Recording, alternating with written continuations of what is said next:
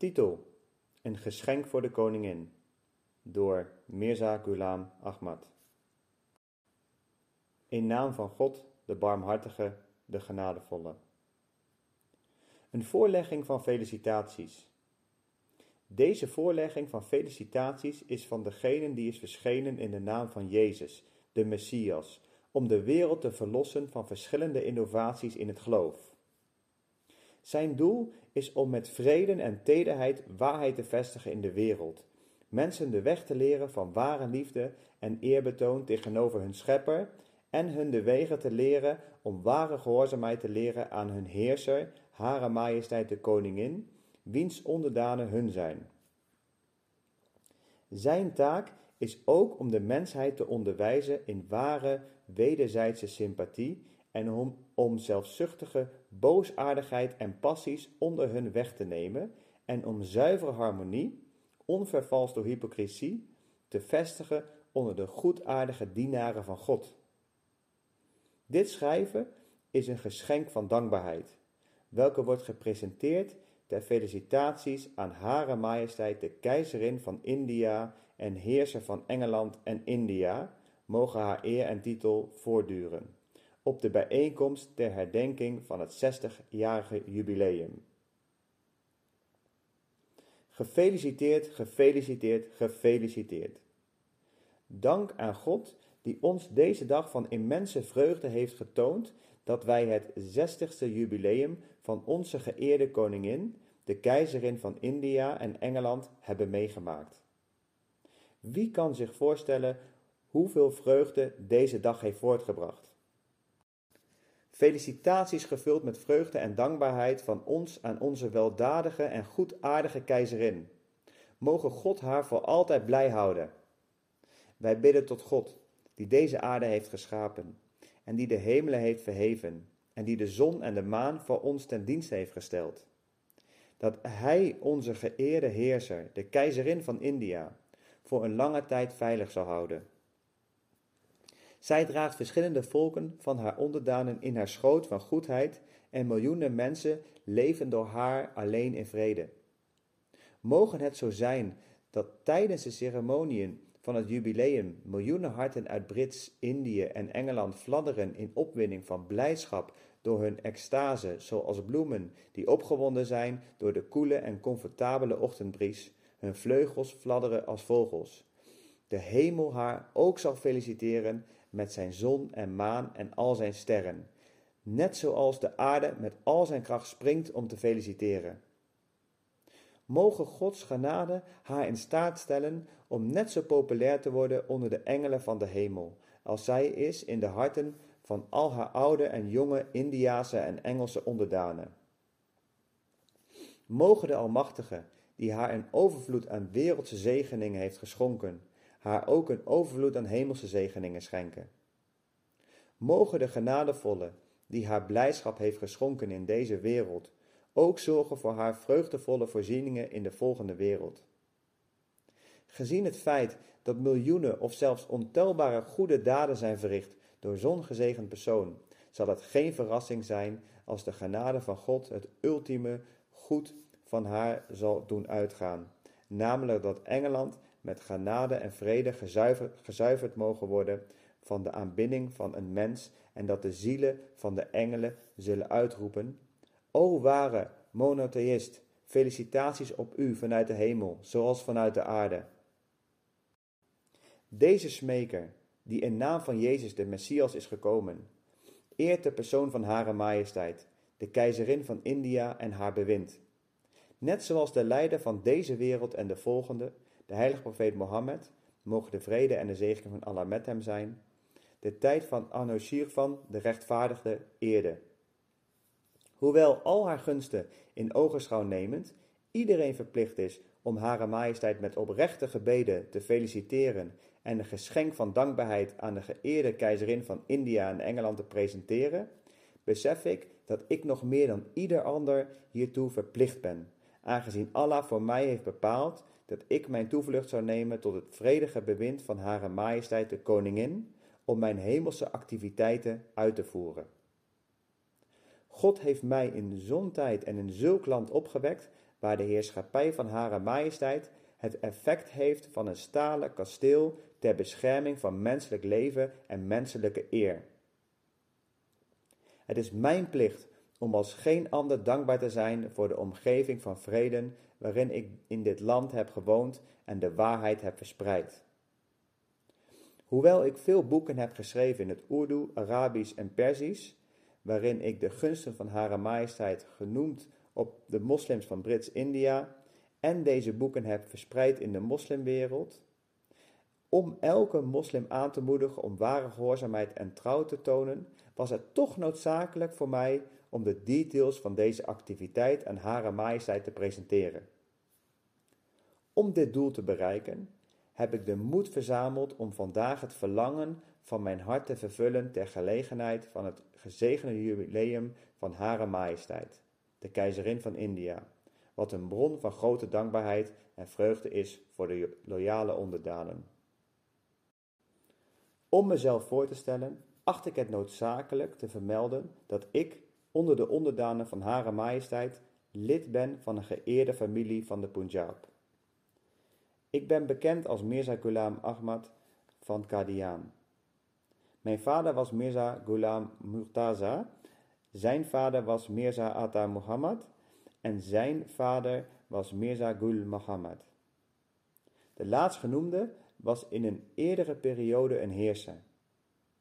Zoals later zal worden beschreven, nam God me in zijn dienst. En zoals hij al sinds de oudheid sprak tot zijn mensen, eerde hij mij ook met zijn conversatie en communicatie. Hij heeft me gevestigd op uiterste zuivere principes die de mensheid ten goede komen. Een van de principes waarop ik ben gevestigd is het volgende. God heeft mij laten weten dat van de religies die zich hebben verspreid en door de profeten stevig in de wereld zijn gevestigd en die in een deel van de wereld overheersen en hebben kunnen overleven en een lange levensduur hebben bereikt, geen enkele vals was in zijn oorsprong. Evenmin was een van de profeten vals, omdat het de eeuwige praktijk van God is dat een valse profeet, die over God liegt, die niet van God is, maar valselijk dingen vanuit zichzelf durft te verzinnen, nooit floreert. God vernietigt zo'n onbeschaamd persoon die zegt dat hij van God is, terwijl God heel goed weet dat hij niet van hem is. Al zijn intriges worden vernietigd, al zijn volgelingen worden ontbonden, en zijn toekomst is slechter dan zijn verleden, omdat hij een leugen ten opzichte van God heeft verteld en op brutale wijze God heeft beledigd. God geeft hem niet de eer die aan de rechtvaardige wordt gegeven, noch verleent hij hem de acceptatie en stabiliteit die voorbehouden is aan ware profeten. De vraag kan rijzen dat als dit het geval is, waarom die religies zich in de wereld hebben verspreid in wiens boeken wezens zoals mensen, stenen, engelen, de zon, de maan, de sterren, vuur, water of lucht enzovoort worden geaccepteerd als goden. Het antwoord is dat dergelijke religies afkomstig zijn van mensen die niet beweren profeten te zijn en ontvangers van goddelijke openbaring en communicatie, maar geneigd waren tot de aanbidding van schepselen door de valsheid van hun eigen denken en begrip. Of er waren sommige religies waarvan de basis in feite werd gelegd door een ware profeet van God, maar hun ware leringen werden met het verstrijken van de tijd vergeten.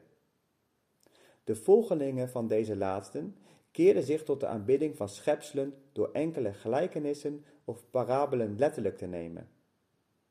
Het feit is dat die profeten niet zo'n religie onderwezen. Het is niet de schuld van die profeten, want zij brachten een gezonde en zuivere leer. Veel gaven de onwetende volgers verkeerde betekenissen aan hun uitspraken. Zulke onwetende mensen beweerden niet dat Gods woord op hun neerdaalde of dat zij profeten waren. Integendeel, ze begrepen het profetische woord verkeerd en interpreteerden het verkeerd. Hoewel dergelijke fouten en afdwalingen een zonde zijn en hatelijk zijn voor God, stopt hij de verspreiding ervan niet, zoals hij het werk stopt van een leugenaar die tegen God ligt. Geen overheid, hemels noch aards, geeft respijt aan een leugenaar die een wet verzint en beweert dat deze door de overheid is geverifieerd. Een overheid zou nooit iemand toestaan om zich voor te doen als een overheidsmedewerker en autoriteit uit te oefenen en mensen te laten geloven dat hij een overheidsfunctionaris is. Als hij niet alleen geen officier is, maar zelfs geen nederige werknemer. Derhalve maakt deze wet deel uit van de eeuwige praktijk van de Almachtige God dat hij geen respijt verleent aan een valse profeet. Zo iemand wordt snel gegrepen en krijgt zijn straf. Met het oog hierop zullen we allen eren en als waar aanvaarden die op enig moment beweerden profeten te zijn, en wie claim werd bevestigd en van wie de religie gedurende een lange periode wijdverbreid werd en bloeide. Als we fouten in geschriften van hun religie zouden ontdekken of het wangedrag van een volgelingen zouden observeren, zouden we deze fouten en tekortkomingen niet moeten toeschrijven aan de grondleggers van deze religies, omdat de verdraaiing van geschriften mogelijk is en het mogelijk is dat fouten van interpretatie hun weg kunnen vinden naar de commentaren. Maar het is helemaal niet mogelijk dat een persoon leugens over God verzint en beweert een profeet te zijn en vervolgens zijn eigen composities valselijk naar voren brengt als het woord van God. En dat God hem toch respijt zou verlenen als de rechtvaardigen en hem brede acceptatie zou toestaan, welke alleen de waarachtigen waardig is. Daarom is dit principe een ultieme waarheid en een eindeloze zegen en legt het bovendien de basis voor verzoening. Als we de waarheid erkennen van alle profeten wie religie goed is gevestigd, al lange tijd heeft overleefd en waarin miljoenen zijn binnengetreden als volgelingen. Dit is een zeer gezegend principe. Als de hele wereld zich aan dit fundamentele principe zou houden, zouden duizenden wanorders en godslasteringen die de vrede onder het grote publiek verstoren, worden uitgeroeid. Het is duidelijk dat mensen die de aanhangers van de religie beschouwen als mensen die een persoon volgen die, naar hun mening, een leugenaar en verzinner is, de basis leggen voor veel beproevingen. Ze begaan zeker de misdaden van laster en spreken over de profeten met uiterst respectloze woorden, zelfs zover als het gebruik van beledigende taal en het verstoren van harmonie en vrede bij het brede publiek. Niet tegenstaande dat hun inschatting onjuist is en zij in de ogen van God overtreden zijn met betrekking tot hun respectloze standpunten. God, die barmhartig en weldadig is, vindt het niet leuk dat een leugenaar onterecht floreert en vervolgens mensen in twijfel trekt door zijn eigen religie te vestigen. Hij staat ook niet toe dat iemand in de ogen van de wereld wordt verheven tot het niveau van ware profeten, terwijl hij een verzinner en een leugenaar is. Daarom legt dit principe de basis van liefde, vrede en harmonie en ondersteunt de morele waarden. Als we al die profeten waarachtig beschouwen die in de wereld verschenen, het zij in India, Perzië of China of enig ander land. God vestigde hun respect en grootsheid in de harten van miljoenen en verstevigde de wortels van hun religie, die voor eeuwen gevestigd bleef, stevig. Dit is het principe dat de Koran ons leert. In het licht van dit principe eren we alle religieuze stichters die onder deze beschrijving vallen. Of ze nu de grondleggers zijn van de religie van de Hindoes, of de religie van de Persen, of de religie van de Chinezen, of de religie van de Joden, of de religie van de Christenen. Helaas kunnen onze tegenstanders ons niet op deze manier behandelen en zij houden geen rekening met de ongeschonden en onveranderlijke wet van God dat Hij die zegen en eer niet geeft aan een valse profeet die Hij aan de waarachtige schenkt. De religie van een valse profeet wortelt niet en blijft niet lang bestaan, zoals de religie van een ware profeet dat doet. Daarom zijn mensen die dit soort opvattingen erop nahouden, die de profeten van andere naties belasteren door ze vals te verklaren, altijd vijanden van vrede en harmonie, omdat er geen groter kwaad is dan het beschimpen van de grondleggers van andere naties. Soms sterft iemand liever dan minachtende woorden over zijn grondleggers te horen. Als, we bezwaar hebben tegen de leer van een religie, moeten we niet de eer van de profeet van die religie aanvallen of hem op een ongepaste manier vermelden. We moeten er zeker van zijn dat de profeet die God de Almachtige heeft geprezen met de eer van acceptatie door miljoenen, en wiens acceptatie eeuwenlang heeft voortgeduurd, van hem dus duidelijk bewezen is van Allah te zijn.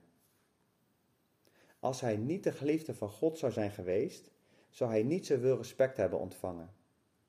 Het is niet de praktijk van God om, om eer te schenken aan een valse profeet, zijn religie onder miljoenen te verspreiden en de verzonnen religie voor een lange tijd te beschermen.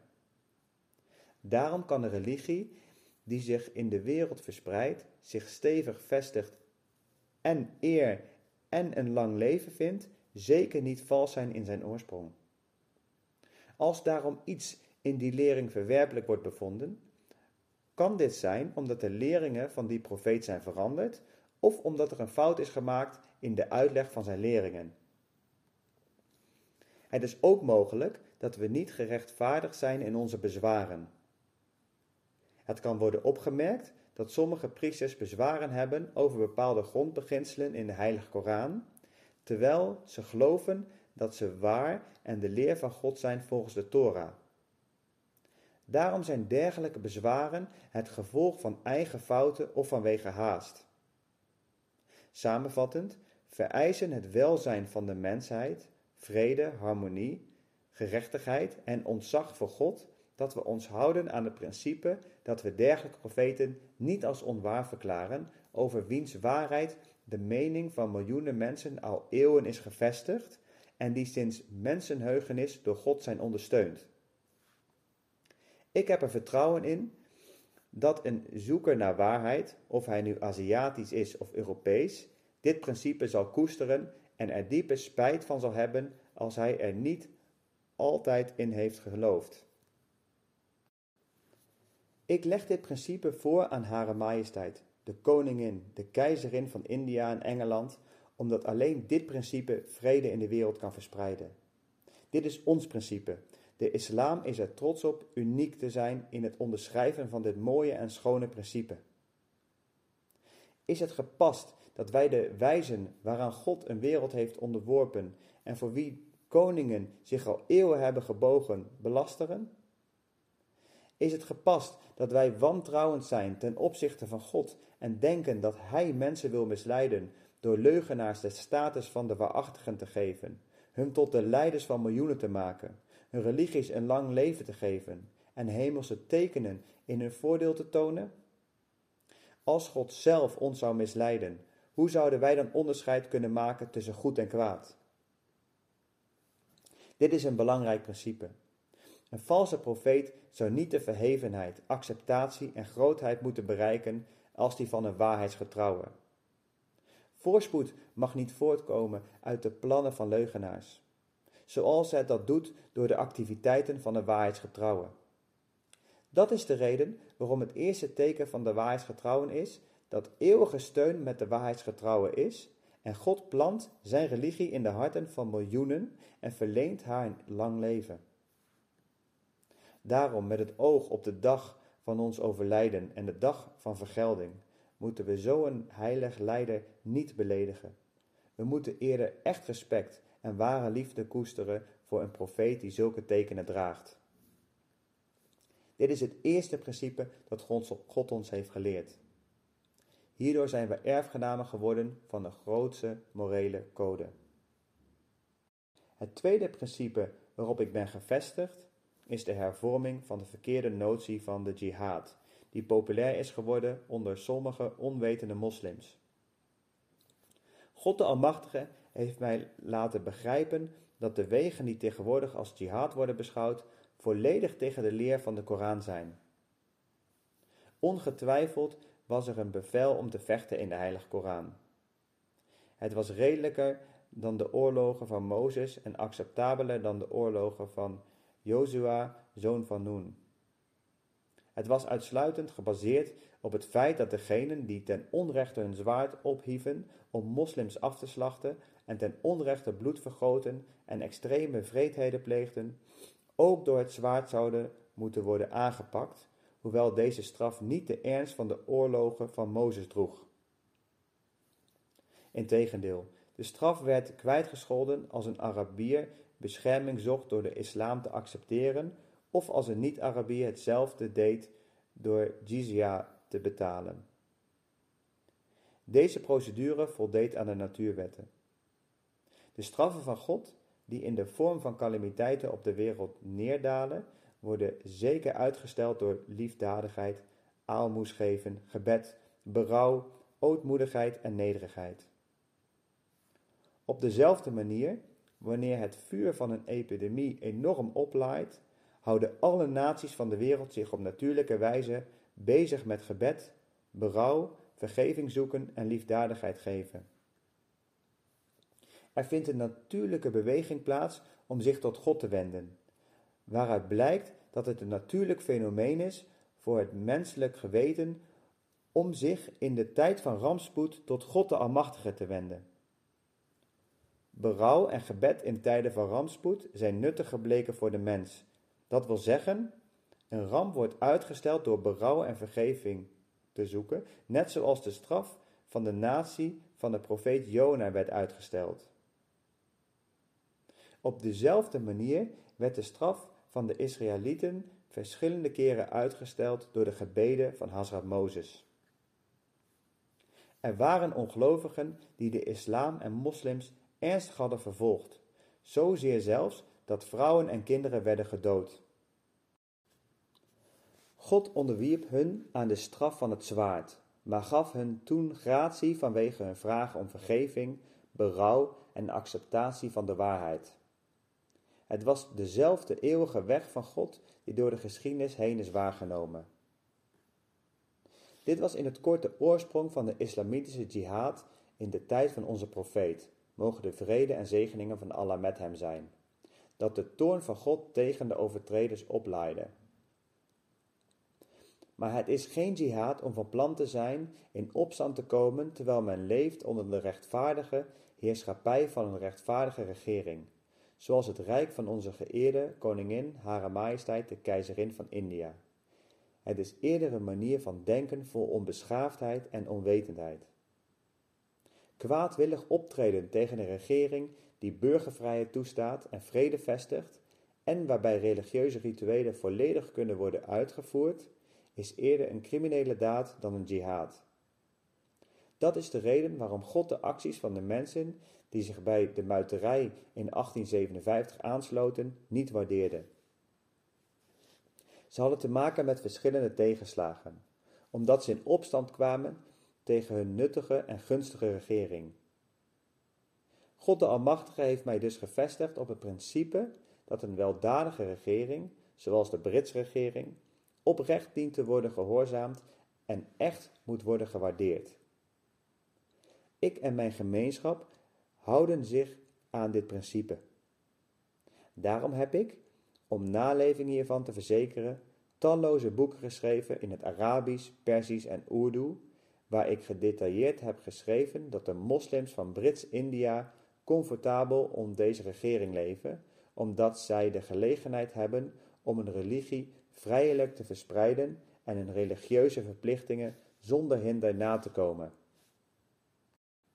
Als zodanig, hoe tartend en opstandig is het om enige gedachten aan jihad in onze hart te hebben met betrekking tot deze gezegende en vredelievende regering. Deze boeken werden gepubliceerd ten koste van duizenden roepies en gepubliceerd in islamitische landen. Ik weet dat duizenden moslims zijn beïnvloed door deze boeken. Vooral de mensen die een religieuze band met mij hebben, zijn echt oprechte sympathisanten van deze regering geworden. Ik kan beweren dat de gelijke ervan niet kan worden gevonden onder andere moslims. Het is een trouw leger wiens leven zowel openlijk als verborgen vervuld is met steun aan de Britse regering. Ik heb ook het punt in mijn boeken benadrukt dat het doel dat de onwetende moela's met het zwaard willen bereiken onder de Britse regering door een ware religie op andere manieren kan worden bereikt. Een persoon kan namelijk zijn eigen geloof uitdragen en een andere religie weerleggen. Naar mijn mening is het een grote weldaad dat de moslims binnen de grenzen van de wet volledige vrijheid hebben om hun religieuze opvattingen tot uitdrukking te brengen. Zij zijn in staat om hun doel op deze manier te bereiken. Zodoende zullen ze de militante gewoonten afschaffen die in sommige boeken worden gevonden vanwege een misverstand over het boek van Allah. De reden hiervoor is dat, zoals het gebruik van het ene bedwelmende middel men bevrijdt van het gebruik van een ander, op dezelfde manier, wanneer een doelstelling op één manier kan worden bereikt, de andere manier om het te bereiken automatisch uitgeschakeld wordt. Voor dezelfde doeleinden beschouw ik het als mijn plicht om te profiteren van de vrijheid die de Britse heerschappij biedt voor hun religieuze discussies. En roep ik de islamitische fanatici op om hun ongegronde gedachten en neigingen te stoppen. Moslimmassa's wachten op een militante Messias en wachten ook op een militante Mahdi. Deze overtuigingen zijn zo gevaarlijk dat een bedrieger en leugenaar een wereld in bloed kan drenken door te beweren dat de beloofde Mahdi te zijn, omdat moslims op de dag van vandaag de neiging hebben om zich aan te sluiten bij iedere bedelaar die oproept tot jihad. Waarschijnlijk kunnen ze zelfs niet zo een trouw hebben aan een koning. Allah wenste dat dergelijke verkeerde gedachten werden gewist, en dus door mij de titels van de beloofde Messias en de beloofde Mahdi te geven, verduidelijkte hij mij dat het wachten op een militante Mahdi of een militante Messias een totaal verkeerde opvatting is. In plaats daarvan wil God de waarheid in de wereld verspreiden door hemelse tekenen. Daarom is mijn principe dat de koninkrijken van de wereld behoren tot de wereldse koningen. We hebben niets te maken met hun koninkrijken of rijkdom. Het hemelse koninkrijk is van ons.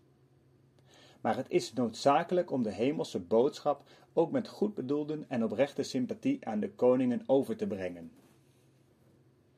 Wat betreft deze Britse regering, aangezien we vreedzaam onder deze regering kunnen leven, is het onze plicht om verder te gaan en te bidden voor het heden en de toekomst ervan.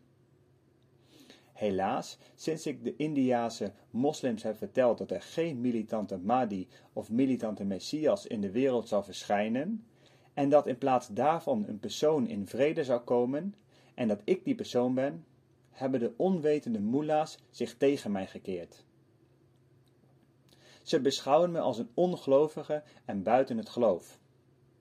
Het is verbazingwekkend dat deze mensen genieten van het bloedvergieten van mensen, ook al is dit niet de leer van de Koran. Bovendien hebben niet alle moslims dergelijke gedachten. Het is de oneerlijkheid van de christelijke priesters dat zij het idee van eeuwigdurende jihad ten onrechte hebben toegeschreven aan de heilige Koran.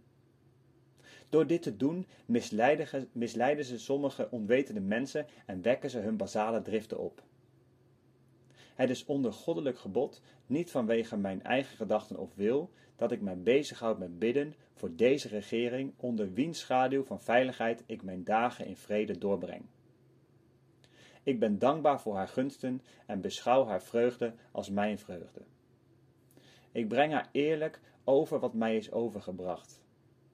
Daarom, ter gelegenheid van dit jubileum, herinnerend aan de voortdurende gunsten van Uwe Majesteit, die betrekking hebben op ons leven, rijkdom en eer, presenteer ik een geschenk van dankbaarheid. En dat geschenk zijn de gebeden die voortkomen uit het hart en elke vezel van het lichaam voor de veiligheid en eer van Uwe Majesteit. O keizerin en de geëerde koningin, onze harten buigen zich voor de Almachtige, biddend voor Uwe Majesteit, en onze zielen werpen zich neer voor de ene God om uw eer en veiligheid.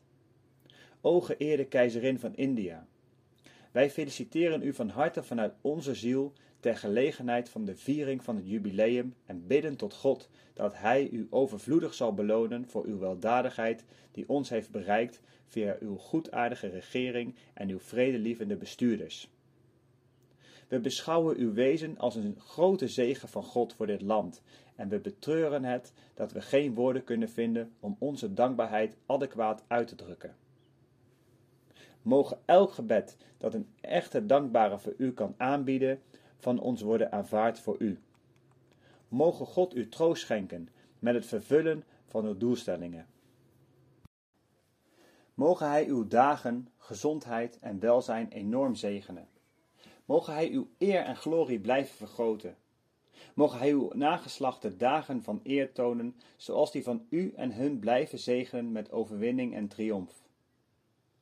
We danken de genade en barmhartige God enorm, die ons deze heerlijke dag heeft laten zien en die ons veiligheid heeft gegeven onder een dergelijke weldadige, genereuze, rechtvaardige en intelligente koningin. Onder haar gezegende heerschappij heeft zij ons de mogelijkheid geboden om al het goede van de wereld en van het geloof te bereiken, zodat we daden van ware weldaad jegens onszelf, onze natie en onze medemensen kunnen verrichten en het pad van vooruitgang vrijelijk kunnen betreden. Het pad dat ons niet alleen redt van de ongewenste daden van de wereld, maar ons ook in staat stelt het eeuwige goed van het hiernamaals te bereiken. Wanneer we alle goedheid en de middelen om goedheid te bereiken beschouwen, die we hebben verworven tijdens het bewind van deze keizerin van India, evenals al deze deuren van welzijn en welvaart die voor ons zijn geopend tijdens de gunstige perioden van haar soevereiniteit, levert ons dat sterk bewijs dat de keizerin van India buitengewoon goede bedoelingen heeft voor de vooruitgang van het publiek.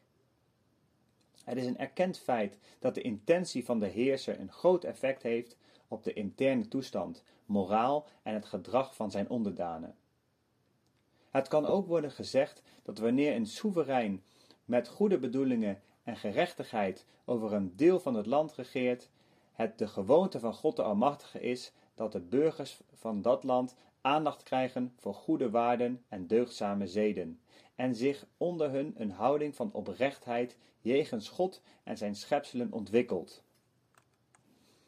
Elk oog kan duidelijk waarnemen dat er in Brits-India een grote revolutie plaatsvindt in de richting van goede waarden en nobele moraal.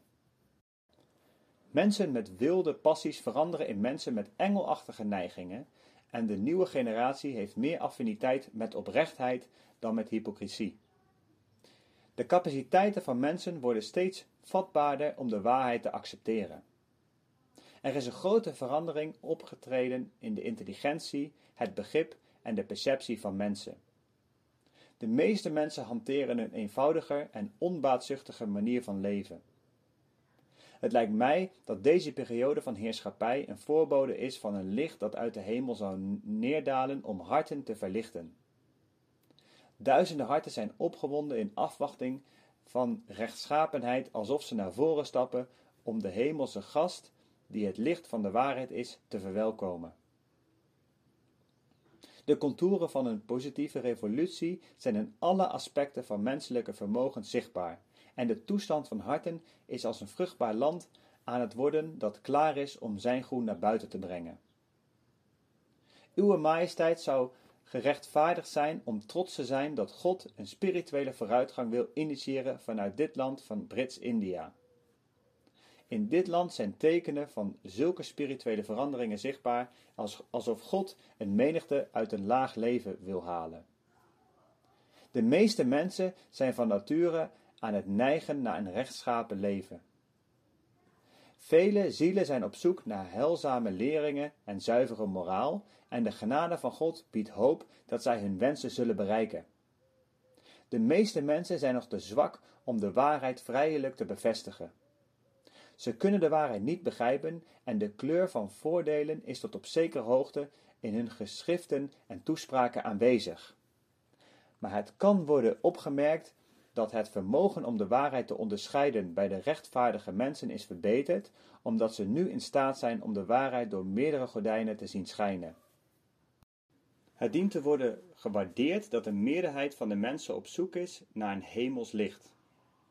In hun gretigheid om dit te doen, zijn sommigen zelfs de fout ingegaan om de status van de aanbiddingswaardige te geven aan degene die niet aanbiddingswaardig is. Toch is er geen twijfel dat er een beweging heeft vormgekregen. De kwaliteit van het ontdekken van de realiteit, waarheid en de kern van zaken en het niet stoppen bij oppervlakkige gedachten ontwikkelt zich als de wenselijke eigenschap. Deze houding vergroot onze hoop voor de toekomst. Het leidt geen twijfel dat dit ook het gevolg is van de houding van de heerser van de tijd.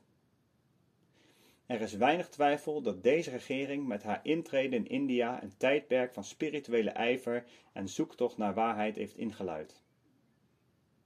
Ongetwijfeld lijkt dit het resultaat te zijn van de weldadigheid die in het hart van onze koningin, Hare Majesteit, leeft ten aanzien van het publiek van Brits-Indië. Ondanks de grote waardering die ik heb voor de voordelen die de fysieke aspecten van Indiase moslims hebben beïnvloed, is vanwege de aandacht van Hare Majesteit een groot deel van de weldaad van de keizerin van India dat tijdens haar bewind veel onbeschaafde omstandigheden van India zijn hervormd en elke persoon een grote kans heeft gekregen op spirituele vooruitgang. We zien duidelijk dat een tijdperk van ware en pure reformatie nadert en dat harten aandachtig blijven voor de erkenning van de waarheid.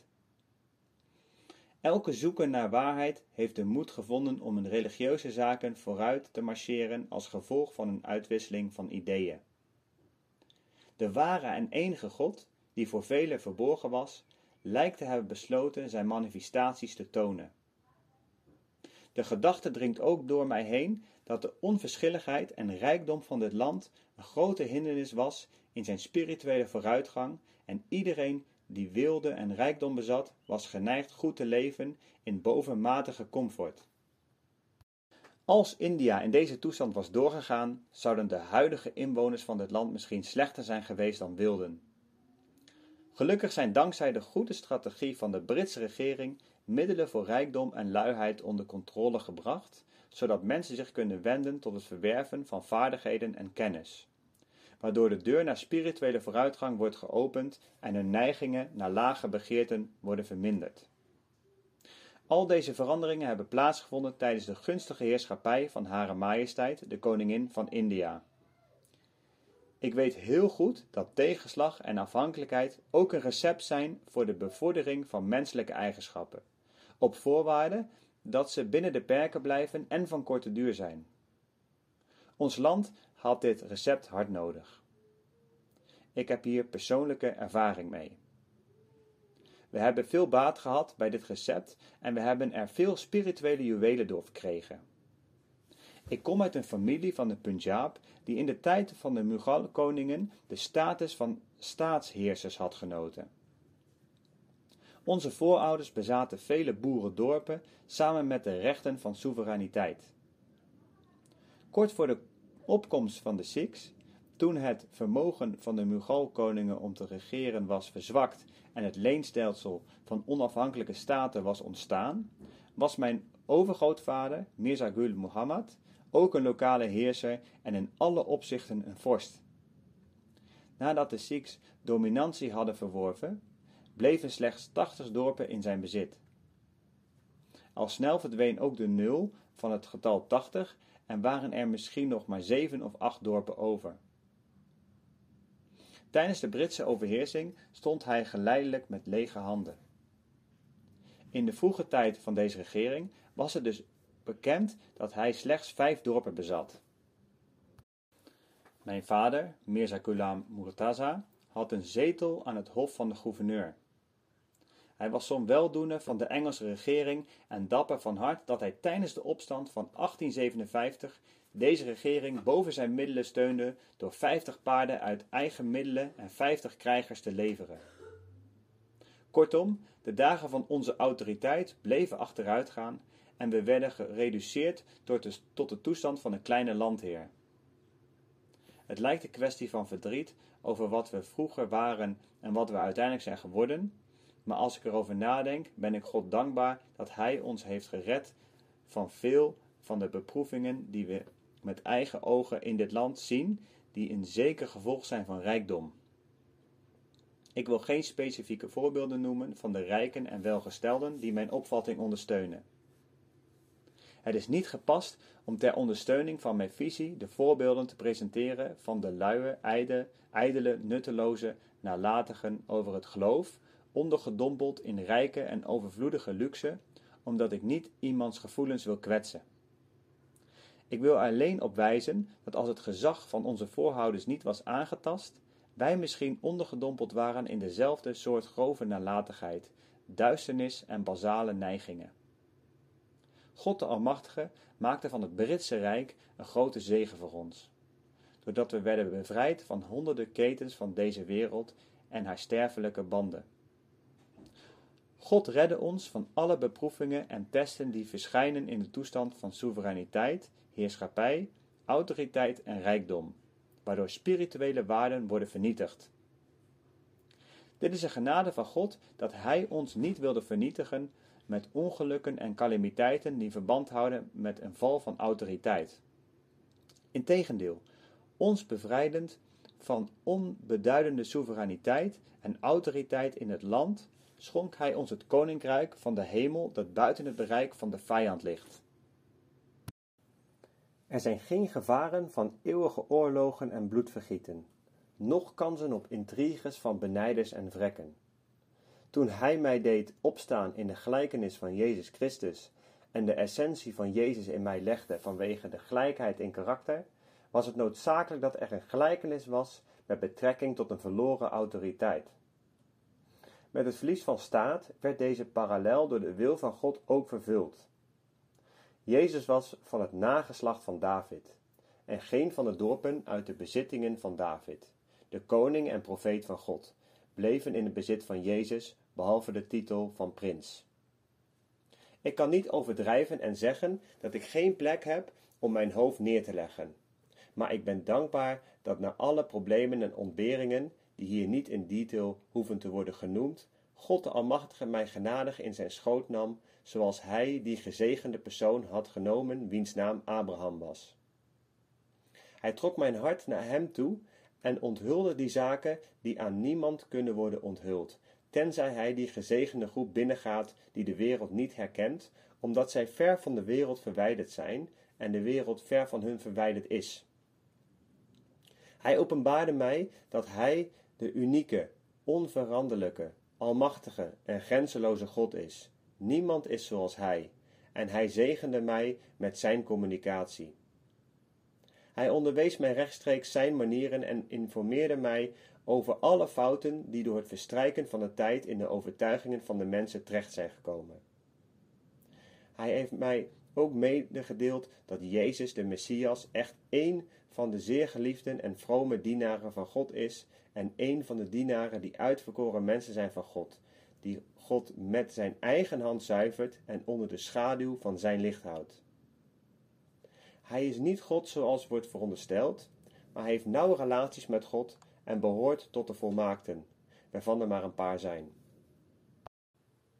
Van de wonderen die God mij heeft geschonken, is er één dat ik Jezus de Messias verschillende keren heb ontmoet in de staat van volmaakte waakzaamheid, wat een visioen wordt genoemd. Ik heb met hem gesproken en bij hem de aard van zijn werkelijke claim en leringen geverifieerd. Een belangrijk punt dat de aandacht verdient, is dat Jezus de Messias zo walgt van de leerstellingen van verzoening, drie-eenheid en zoonschap, alsof dit de grote misleidingen zijn die over hem zijn gevormd. Dit bewijs door visioen is niet zonder ondersteuning. Ik geloof er vast in dat als een oprechte zoeker naar waarheid een tijdje bij mij zou blijven en Hazrat Masih, oftewel de Messias, in een visioen zou willen ontmoeten, hij dit zou kunnen doen door de zegeningen van mijn smeekbeden en aandacht. Hij kan ook met hem praten en zijn bevestiging ontvangen van wat ik heb gezegd, want ik ben de persoon in wie de ziel van Jezus, de Messias, bij wijze van reflectie woont. Dit is een geschenk dat het waard is te worden gepresenteerd aan een verheven audiëntie van Hare Majesteit, de keizerin van Engeland en India. Mensen van de wereld zullen deze taak niet begrijpen, omdat zij niet geloven in hemelse mysteries, maar degenen die deze, die, die mysteries hebben ervaren, zullen deze waarheid zeker vinden. Er zijn additionele hemelse tekenen, die door mij verschijnen, die mijn waarheid ondersteunen en de mensen in het land zijn er getuigen van. Mijn grootste wens is om de zekerheid waarmee ik gezegend ben over te dragen aan de harten van anderen. Mijn verlangen wint mij op over hoe ik Hare Majesteit, de keizerin van India, zal informeren over deze tekenen. Ik sta als de ware ambassadeur van Hazrat Jezus, de Messias. Ik weet dat wat tegenwoordig wordt geleerd over het christendom niet de ware leer is van Hazrat Jezus, de Messias. Ik ben er zeker van dat als Jezus weer in de wereld zou zijn gekomen, hij deze leringen niet eens zou kunnen herkennen. Een andere grote tragedie, die het vermelden waard is, is dat de Joden door hun onheil en ongeloof de meest negatieve betekenis van het woord vloek probeerden toe te passen met betrekking tot de eeuwig uitverkorene, eeuwig geliefde, eeuwig geaccepteerde van God, wiens naam Jezus is. Maar de christenen hebben ook tot op zekere hoogte deelgenomen aan deze laster. Er wordt verondersteld dat het hart van Jezus, de Messias, gedurende drie dagen de toepassing van vloek verdiende. Mijn lichaam beeft van deze gedachten en elk deeltje van mijn wezen wordt rusteloos. Hoe kan men denken dat het woord vloek van God zelfs voor een seconde op het zuivere hart van de Messias van toepassing is? Wee, duizendmaal wee, dat zulk een geloof wordt gekoesterd door een geliefde van God zoals Jezus, de Messias, dat zijn hart de implicatie van de betekenis van vloek op enig moment verdiende. Ik presenteer deze bescheiden voorlegging niet vanuit een religieus oogpunt, maar om de eer van een perfect mens te beschermen. Namens Jezus als zijn ambassadeur leg ik aan de keizerin van India voor wat ik in een visioen vanuit zijn tong hoorde. Ik hoop daarom dat uw majesteit deze verkeerde opvatting zal corrigeren. Deze ernstige fout werd begaan in een tijd waarin mensen niet nadachten over, over de betekenis van vloek. Maar nu vereist het fatsoen dat deze fout zeer snel wordt gecorrigeerd en de eer van deze elite, geliefde van God en zijn uitverkorene, wordt hersteld. Zowel in het Arabisch als in het Hebreeuws betekent het woord vloek dat men van God weggaat en hem verlaat. Iemand wordt vervloekt genoemd wanneer hij God verlaat en ongelovig wordt, wanneer hij de vijand van God wordt en God zijn vijand wordt. Dit is de reden waarom volgens de lexicons vervloekt de naam van Satan is.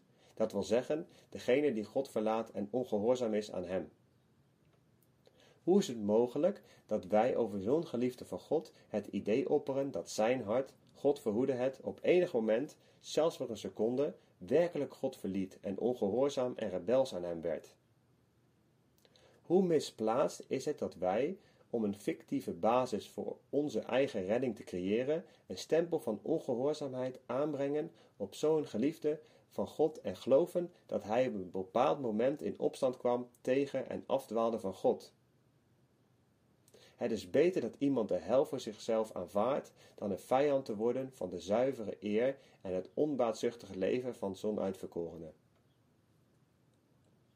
Moslims beweren dat ze Jezus, de Messias, net zoveel liefhebben als christenen en zijn persoon is een gemeenschappelijk bezit van christenen en moslims, maar ik heb het grootste recht om die liefde te claimen, omdat mijn aard is ondergedompeld in Jezus en de zijne in mij.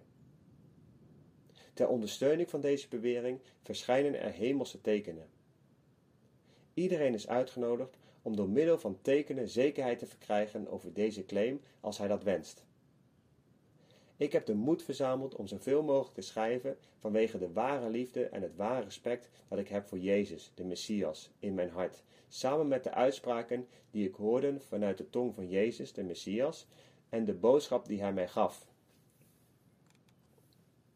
Al deze zaken hebben mij ertoe bewogen een ambassadeur van Jezus te worden aan het hof van uw majesteit. Ik leg nederig voor dat, aangezien uw majesteit beschermer is geworden van de levens, eigendommen en de eer van miljoenen mensen, en zelfs wetten heeft uitgevaardigd voor het comfort van dieren en vogels, Hoe geweldig het zou zijn dat de aandacht van uw majesteit ook zou wenden tot het verborgen gebrek aan respect dat wordt toegemeten aan Jezus de Messias.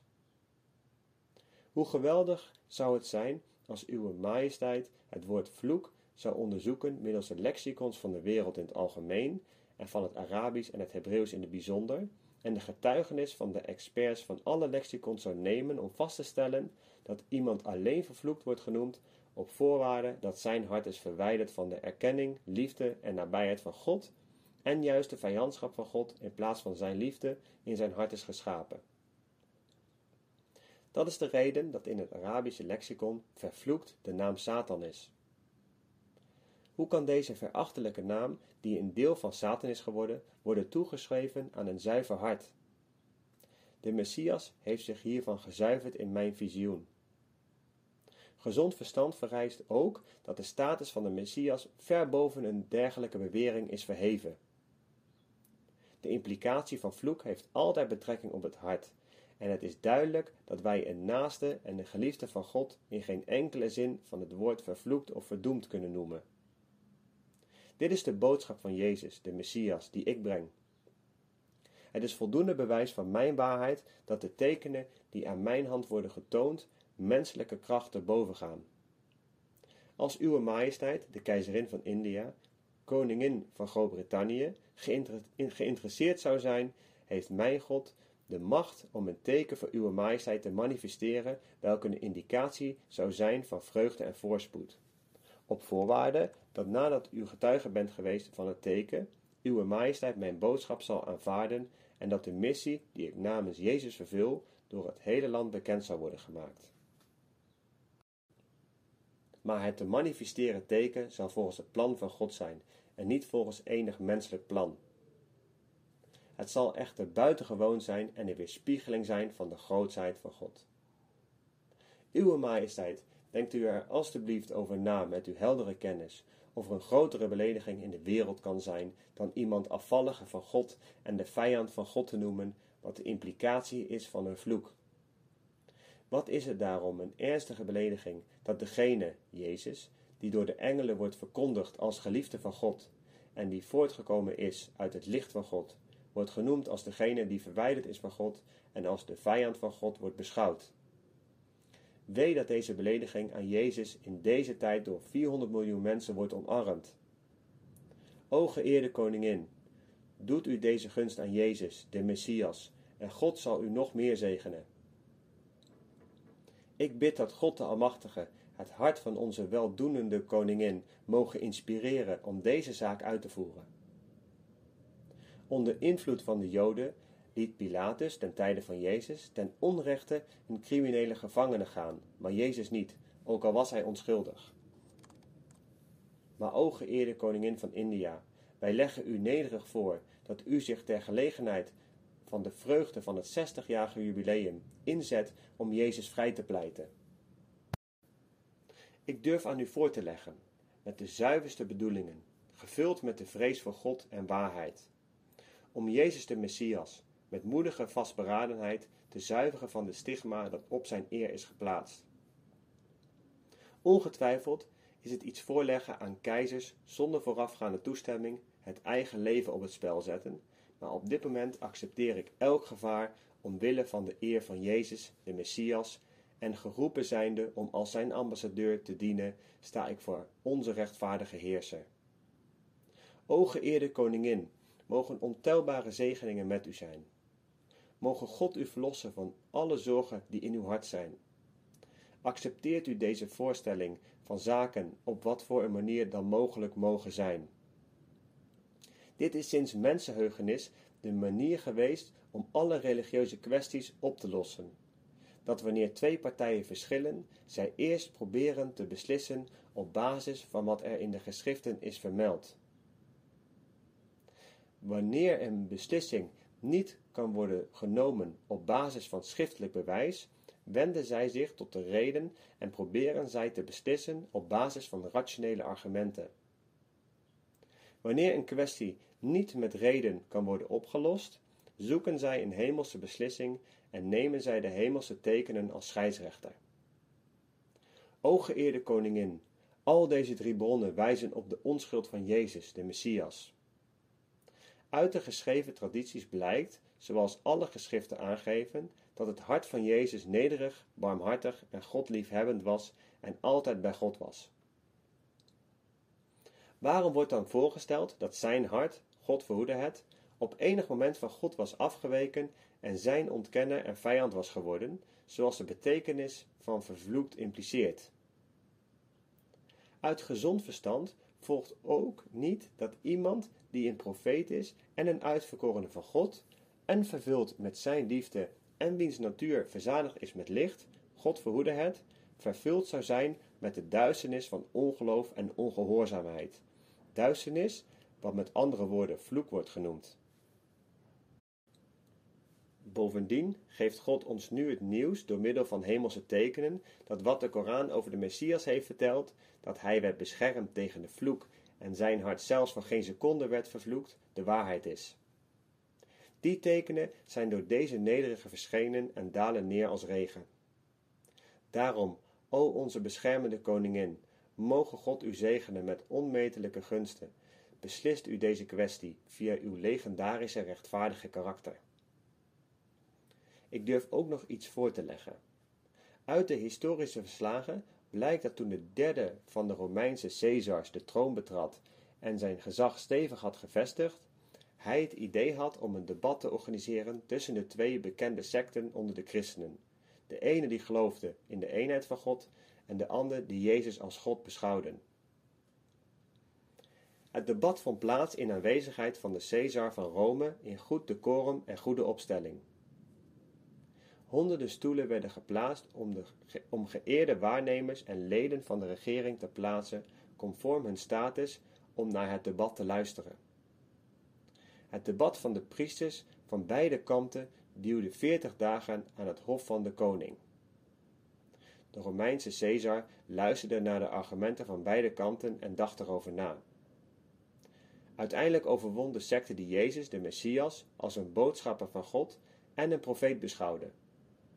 De andere secte werd geconfronteerd met zulke nederlaag dat de Caesar tijdens de bijeenkomst onthulde dat hij zich aangetrokken voelde tot de secte die in de eenheid van God geloofde vanwege hun argumenten en niet uit hun eigen overweging. Voordat hij de bijeenkomst verliet, nam hij het geloof van de eenheid van God aan en werd een van hun die ook vermeld staan in de Heilige Koran, en stopte met het gebruik van de uitdrukking zoon met betrekking tot God. Daarna geloofden de volgende drie Caesars die de troon bestegen ook in de eenheid van God. Dit laat zien dat dergelijke conferenties een traditie van de christelijke koningen uit het verleden waren en tot grote veranderingen leidden. Reflecterend over dergelijke gebeurtenissen is het de oprechte wens van mijn hart dat onze keizerin van India ook een dergelijke conferentie zal houden, voorgezeten vanuit de troon. Het zou een gedenkwaardige spirituele gebeurtenis zijn. Deze conferentie zou breder moeten zijn dan die van de keizer van Rome, aangezien onze geëerde keizerin een hogere status heeft dan de Romeinse keizer. Een extra reden voor dit verzoek is dat, aangezien de mensen van dit land de conferentie van religies in Amerika hebben leren kennen, de harten vanzelfsprekend enthousiast zijn dat Uwe Majesteit ook een dergelijke conferentie in Londen zou moeten organiseren, zodat als gevolg van dit evenement groepen van loyale onderdanen van dit land en hun leiders en geleerden Uwe Majesteit in de hoofdstad kunnen ontmoeten, en zodat de ogen van Uwe Majesteit ook kunnen vallen op de duizenden loyale onderdanen van Brits-India en gerespecteerde burgers van India gedurende een paar weken in de straten en boulevards van Londen te zien zijn. Het zal nodig zijn dat elke deelnemer de uitmuntende eigenschappen van zijn geloof presenteert en niet kwaad spreekt over anderen. Als een dergelijke conferentie plaatsvindt, zal het een legendarische spirituele gebeurtenis zijn van onze geëerde koningin. En Engeland, dat op onjuiste wijze is geïnformeerd over islamitische zaken, zal worden geïntroduceerd met het ware gezicht van de islam. Op deze manier zal de bevolking van Engeland op de hoogte zijn van de ware filosofie van elke religie. Het is geen bevredigende gang van zaken dat de informatie over de religies van India via priesters Engeland bereikt, omdat de boeken van de priesters waarin andere religies worden genoemd als een vervuilde afvoer van water zijn met veel vuil en afval. De priesters willen de waarheid niet aan het licht brengen, zij willen deze liever verbergen. Er is zo'n vervalsing van vooroordelen in hun geschriften dat het moeilijk is, of zelfs onmogelijk, dat de echte waarheid over religies Engeland zou bereiken. Als ze goede bedoelingen hadden, zouden ze niet zulke bezwaren tegen de Koran hebben opgeworpen, als ook tegen de Torah van Mozes kunnen worden opgeworpen. Als ze vrees voor God hadden, zouden ze niet op dergelijke boeken hebben vertrouwd, die volgens moslims niet authentiek zijn en geen definitieve waarheden bevatten. Daarom schrijft rechtvaardigheid voor dat zelfs als heel Europa als engelachtig zou worden beschouwd, de priesters een uitzondering zouden vormen. De reden dat de christenen in Europa met haat en afkeer naar de islam kijken, is dat deze priesters haat hebben gezaaid door niet authentieke incidenten te presenteren. Ik accepteer wel dat het gedrag van sommige onwetende moslims niet waardig is en zij hebben gewoonten die voortkomen uit onwetendheid, omdat sommige woeste moslims de term jihad toepassen op vreed bloedvergieten en zij weten niet dat de opstand tegen een rechtvaardige heerser rebellie is en geen jihad. Het breken van verbonden, het plegen van kwaad in plaats van goed te doen en het moorden van onschuldigen, wie dergelijke daden pleegt, moet een misdadiger worden genoemd en geen held. Deze gedachten zijn tot stand gekomen als gevolg van de perverse interpretaties van de priesters. Er is geen teken van in het boek van God. Het woord van God stelt de straf van het zwaard vast voor degenen die het zwaard opheffen en leert geen muiterij tegen degenen die vrede vestigen, het publiek ten goede komen en elk volk de rechten van vrijheid geven. Het is oneerlijk om het woord van God te belasteren. Het is daarom zeer wenselijk dat voor het welzijn van de mensheid een conferentie van religies wordt gehouden door de keizerin van India om de realiteit van religies te verspreiden. Dit is ook het vermelden waard dat volgens de leer van de islam er slechts twee aspecten van het islamitische geloof zijn. Of we kunnen zeggen dat deze leer uit twee hoofddoelen bestaat. Allereerst om de ene God te herkennen zoals hij in werkelijkheid bestaat hem lief te hebben en zichzelf in zijn ware gehoorzaamheid te plaatsen, zoals de vereiste van gehoorzaamheid en liefde is. Het tweede doel is om alle capaciteiten in te zetten ten dienste en weldoen van zijn medemens en iedereen, van koning tot een gewoon persoon, die ons enig voordeel heeft gedaan, dankbaar en weldoenend te behandelen. Dat is de reden waarom een echte moslim, die zich echt bewust is van zijn geloof, altijd een houding van oprechtheid en gehoorzaamheid heeft jegens de regering onder wiens schaduw van veiligheid hij vreedzaam leeft. Het verschil in religie weerhoudt hem niet van ware gehoorzaamheid en naleving. Maar de priesters hebben deze zaak volledig verkeerd begrepen en veronderstellen dat de islam zijn volgelingen leert om slechte bedoelingen, vijandschap en een bloeddorstige houding te hebben ten opzichte van andere naties. Wij kunnen accepteren dat de praktische toestand van sommige moslims niet goed is, zoals in iedere godsdienst sommige mensen onwaardige daden begaan door zich in te laten met verkeerde gedachten, zo worden ook dergelijke mensen onder de moslims gevonden. Maar zoals ik al zei, is dit geen fout van de leer van God. Het is eerder te wijten aan het verkeerde begrip van hun die niet nadenken over het woord van God en onder de invloed zijn van hun passies. In het bijzonder is de kwestie van de jihad, die afhankelijk was van specifieke voorwaarden, zo verkeerd begrepen door de onverstandigen en onwetenden dat zij ver verwijderd zijn van de islamitische leer. De islam leert ons helemaal niet dat we als onderdanen van een heerser van een vreemde natie en een vreemde religie, onder hem levend in vrede en veiligheid tegen elke vijand, gedachten van boosaardigheid en opstand in ons hart moeten koesteren. De islam leert ons juist dat we als de koning onder wie we in vrede leven niet danken, we God niet eens hebben bedankt. De leer van de islam is vol wijsheid.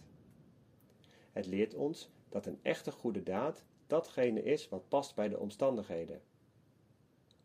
God houdt niet van barmhartigheid, welke niet met gerechtigheid gepaard gaat, en houdt niet van gerechtigheid als het niet resulteert in het verzekeren van barmhartigheid. Het leidt geen twijfel dat de Koran rekening heeft gehouden met de fijne punten die door de evangelie worden genegeerd. De leer van het evangelie is dat wanneer men op de ene wang wordt geslagen, de andere moet worden gepresenteerd. Maar de Koran zegt: Maar de vergelding van het kwade is het daaraan gelijke. Maar wie vergeeft en verbetering voor ogen houdt, zijn loon rust bij Allah. De Koran, hoofdstuk 42, vers 41. Met andere woorden, het rechtvaardigheidsbeginsel is datgene die geschaad is, alleen het recht heeft om een gelijkwaardige schade toe te brengen. Maar als iemand vergeeft, op voorwaarde dat zijn vergeving niet misplaatst is en hervorming tot stand brengt, zal zo iemand door God worden beloond.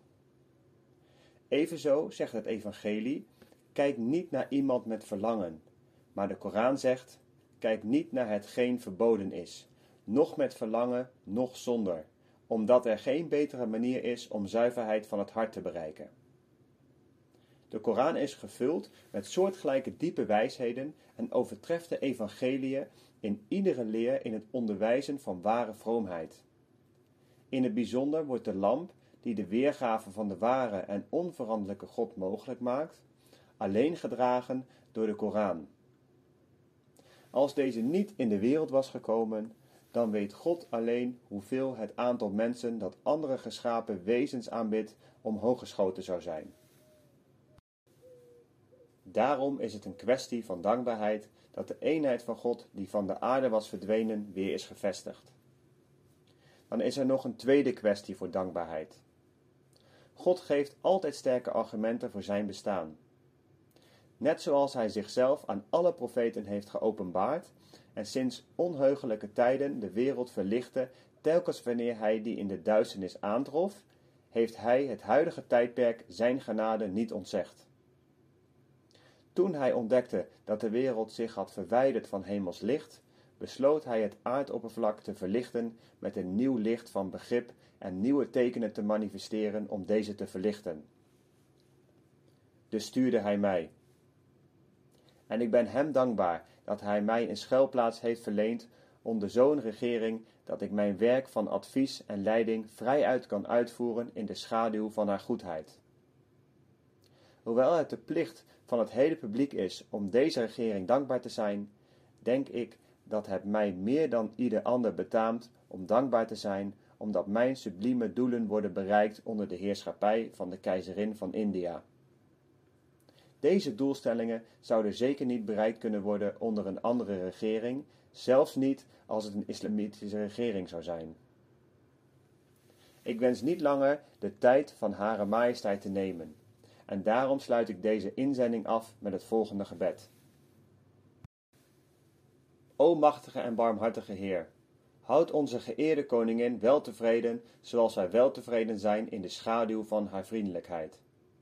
Wees goed voor haar aangezien wij ons leven doorbrengen onder haar weldaden, en inspireer haar om hoffelijk aandacht te schenken aan deze onderwerpen, aangezien alleen u die macht bezit. Amin. Nogmaals, amin. Voorgelegd door de nederige Mirza Ghulam Ahmad, Kadian, district Gurdaspur, de Punjab. In naam van God de barmhartige, de genadevolle. Een openbare vergadering van vrienden. Tijdens de jubileumviering voor gebeden en dankbaarheid aan Hare Majesteit, de keizerin van India, mogen zij lang leven. Ik vertel met vreugde dat vele leden van mijn gemeenschap verre afstanden hebben gereisd om op 19 juni 1897 aanwezig te zijn in Kadiaan om het jubileum van Hare Majesteit, de keizerin van India, mogen zij lang leven, te vieren en om op die gelegenheid hun dankbaarheid te tonen. Zij waren 225 in aantal. De lokale toegewijde mensen en volgelingen namen ook deel, waardoor het aantal zeer toenam. Zij namen allen deel aan gebed en dankbaarheid aan God op 19 juni 1897. De bijeenkomst werd correct gehouden in overeenstemming met de richtlijnen aangekondigd door Ghan Sahib Mohammed Hayat Khan, CSI, vicepresident-generaal van het Moslimcomité van India. Met de genade van de Almachtige was de viering daarmee in overeenstemming gehouden. Een telegram was door ons gestuurd naar de stadhouder, gouverneur-generaal van het Indiase keizerrijk op 20 juni 1897 in Shimla. Vervolgens werd vanaf die dag tot 22 juni 1897 continu voedsel gedistribueerd onder de minder welgestelden en behoeftigen. Ten slotte werd, om onze dankbaarheid te tonen, op 21 juni 1897 een grote feestmaaltijd georganiseerd. De minder welgestelden en behoeftigen waren uitgenodigd en er was zulk uitgebreid eten zoals gewoonlijk voor bruiloften wordt bereid en het werd geserveerd aan alle aanwezigen. Op die dag namen meer dan 300 mensen deel aan de feestmaaltijd. Verlichting was geregeld voor de avond van 22 juni. Zodra het donker werd, werden lampen aangezet in lanen, straten, moskeeën en huizen op iedere zichtbare plaats. Aan de minder welgestelden werd olie gegeven uit persoonlijke middelen. Ter uiting van blijdschap werd het brede publiek voor de feestmaal uitgenodigd. Deze gezegende bijeenkomst, waaraan alle leden met veel geestdrift hebben gedoneerd, begon op 20 juni 1897 en liep met veel spektakel door tot in de avond van 22 juni 1897. Op de eerste dag hadden alle leden van onze gemeenschap, wiens namen later zullen worden vermeld, met veel oprechtheid gebeden voor de eer en hemelse zegeningen voor de koningin, de keizerlijke familie en de Britse regering. Alle ceremonies werden tijdig uitgevoerd en in overeenstemming met de ontvangen richtlijnen. Dankzij de Almachtige God heeft onze gemeenschap, waaronder gerespecteerde overheidswerknemers, gebeden met grote oprechtheid, liefde, volledige trouw, volledige ijver en vreugde en heeft zij dankbaarheid getoond en bijgedragen aan het feest voor de minder welgestelden. Er werd ook een groot aantal vrijwillige bijdragen geïnd. Ze hebben dus alle richtlijnen van de Algemene Commissie zo efficiënt en zo goed mogelijk opgevolgd dat geen betere naleving kan worden bedacht. Mijn één verklaring, bestaande uit gebed en dankbaarheid aan Hare Majesteit, de keizerin van India, werd voorgelezen. Deelnemers riepen met veel enthousiasme Amin. Het werd in zes talen vermeld, zodat dankbaarheid werd getoond in alle talen van de Punjab waarin moslims wel bespraakt zijn. Een verklaring van dankbaarheid en gebed werd tijdens de openbare vergadering in het Urdu gelezen. Vervolgens werden verklaringen geschreven in het Arabisch, Persisch, Engels, Punjabi en Pashto voorgelezen. In het Urdu, omdat het wordt gebruikt voor rechtbanken en gebruikelijk is in regeringsgebouwen in overeenstemming met het keizerlijke voorschrift. In het Arabisch, omdat het de taal van God is, de bron van alle talen van de wereld en moeder van tongen waaruit alle andere talen zijn voortgekomen. Bovendien werd het laatste boek voor de begeleiding van de mensheid, de Heilige Koran, in het Arabisch geopenbaard. In het Persisch, omdat het een nalatenschap is van de voormalige moslimkoningen die dit land ongeveer 700 jaar lang hebben geregeerd. In het Engels, omdat het de taal is van Hare Majesteit, de Koningin, de Keizerin van India en haar gerespecteerde leden, aan wie we dankbaar zijn voor hun gerechtigheid en weldadigheid.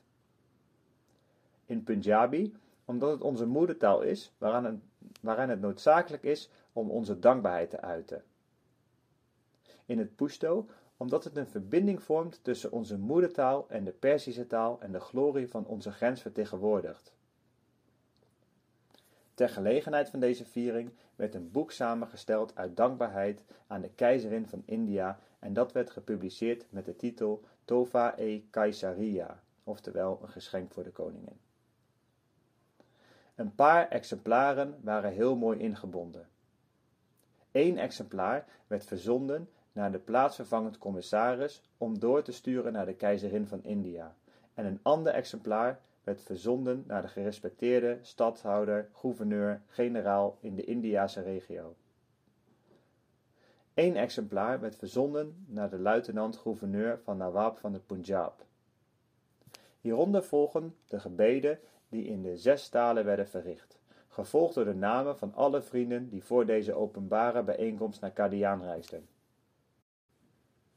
Tijdens intens warm weer verdroegen ze opgewekte ontberingen en velen sliepen met plezier voor drie dagen op de grond, omdat door de grote opkomst niet voldoende veldsbedden konden worden verstrekt. Ik kan de oprechtheid, liefde en trouw van de harten van de geëerde leden van mijn gemeenschap, waarmee zij dit ritueel van vreugde vierden, niet verwoorden. Ik vergat eerder te vermelden dat tijdens de openbare vergadering op 22 juni 1897 vier van onze geleerden opstonden om het publiek aan te manen tot gehoorzaamheid en ware trouw aan de keizerin van India. Eerst stond onze broer Maulavi Abdul Karim op en sprak over de kwestie. Toen hield onze broer Hazrat Maulavi Hakim Nuruddin Beravi een toespraak.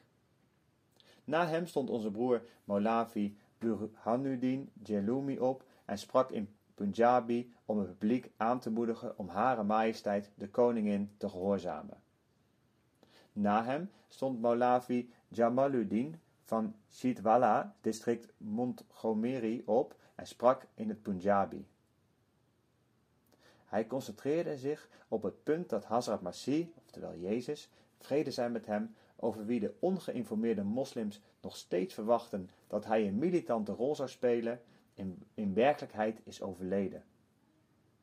Het idee dat moslims ooit, bij de komst van de Mahdi en de Messias, bloed zullen vergieten, is niet waar. Hij vermaande het algemene publiek om goed gedrag en gerechtigheid te tonen. Op deze gezegende gelegenheid toonden 60 tot 70 mannen berouw over alle zonde en wangedrag en helden zo hard dat de moskee weerklonk van hun huilen en wenen. De gebeden in zes genoemde talen volgen hieronder. Auteur Mirza Ghulam Ahmad van Qadian 23 juni 1897 Het oorspronkelijke boek bevat gebeden in het Urdu, Arabisch, Perzisch, Pashto, Punjabi en het Engels. Hier volgt een Nederlandse vertaling van het gebed. Gereciteerd door Mirza Ghulam Ahmad, bestuurder van Qadian ter gelegenheid van het diamanten jubileum van Hare Majesteit Koningin Victoria. Mijn vrienden, het doel dat jullie hier heeft gebracht is om een bijeenkomst van dankzegging te houden naar aanleiding van de blijde gelegenheid van het diamanten jubileum van het bewind van Hare Majesteit, ter herdenking aan de vele zegeningen die we genoten in de tijd van Hare Majesteit.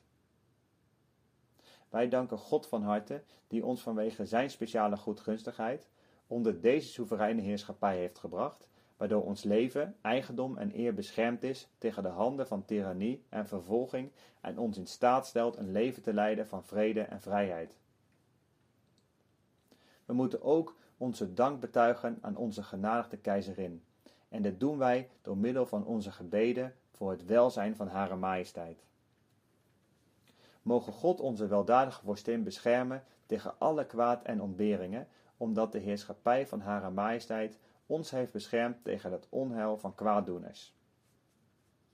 Mogen onze gezegende vorstin worden vereerd met glorie en succes, en tegelijkertijd worden gered van de kwade gevolgen van het geloof in de goddelijkheid van de man en zijn aanbidding. Mijn vrienden zijn hier niet verwonderd over, noch twijfelen ze aan de wonderbaarlijke krachten van de Almachtige, omdat het heel goed mogelijk is dat Hij aan onze genadigde koningin zijn meest voortreffelijke zegeningen in deze wereld en de volgende toekent. Vandaar een sterk en vast geloof in de almacht van de Allerhoogsten, die de wijde hemel in de hoogte schiep en de aarde onder onze voeten verspreidde en beiden met de zon en de maan verlichtte. Laat u oprechte gebeden voor het welzijn van Hare Majesteit in zowel geestelijke als wereldlijke zaken zijn heilige troon bereiken. En ik verzeker u dat gebeden die uit oprechte en hoopvolle harten komen, zeker zullen worden verhoord. Laat mij nu bidden en u kunt Amen zeggen. Almachtige God, aangezien uw wijsheid en voorzienigheid ons onder de heerschappij van onze gezegende keizerin hebben gesteld, waardoor wij levens van vrede en voorspoed kunnen leiden, bidden wij tot u, dat onze vorstin in ruil daarvoor zou worden gered van alle kwaden en gevaren, omdat aan u het koninkrijk, de glorie en de macht behoren. Gelovend in uw onbeperkte vermogens, vragen wij u oprecht, Almachtige Heer, om nog een gebed te verhoren, dat onze patrones de keizerin, alvorens deze wereld te verlaten, haar weg uit de duisternis van mensaanbidding kan bespeuren met het licht van La ilaha illallahu Muhammadur Rasulullah. Oftewel, er is niemand aanbiddingswaardig, behalve Allah en Mohammed is zijn profeet. Almachtige God, doe zoals wij verlangen en verhoor dit nederige gebed van ons, omdat alleen uw wil over alle geesten heerst. Amen. Mijn vrienden, vertrouw op God en voel uzelf niet hopeloos. Denk nooit dat de geesten van wereldlijke machthebbers en aardse koningen buiten zijn controle liggen. Nee, ze zijn allemaal ondergeschikt aan zijn heilige wil. Laat daarom uw gebeden voor het welzijn van uw keizerin in deze wereld en de volgende uit de grond van uw hart komen. Als u loyale onderdanen bent, denk dan aan Hare Majesteit in uw nacht- en ochtendgebeden. Let niet op de oppositie. Laat uw woorden en daden waar zijn en vrij van hypocrisie. Leid levens van deugd en gerechtigheid en bid voor het welzijn van uw weldoeners, want geen deugd wordt onbeloond. Ik sluit af met oprechte wens dat God ons gebed mogen verhoren. Amen. Datum 23 juni 1897. Deelnemers aan de bijeenkomst. Namen van de aanwezigen bij de openbare bijeenkomst om het diamantenjubileum te vieren in Kadiaan, district Gurdaspur, met onze imam de beloofde Messias en imam Mahdi. Met of zonder bijdragen en de namen van de afwezigen die hebben bijgedragen. Van 20 juni 1897 tot 22 juni 1897. Nummer 1. Hazrat Mirza Ghulam Ahmad, de beloofde Messias en imam Mahdi.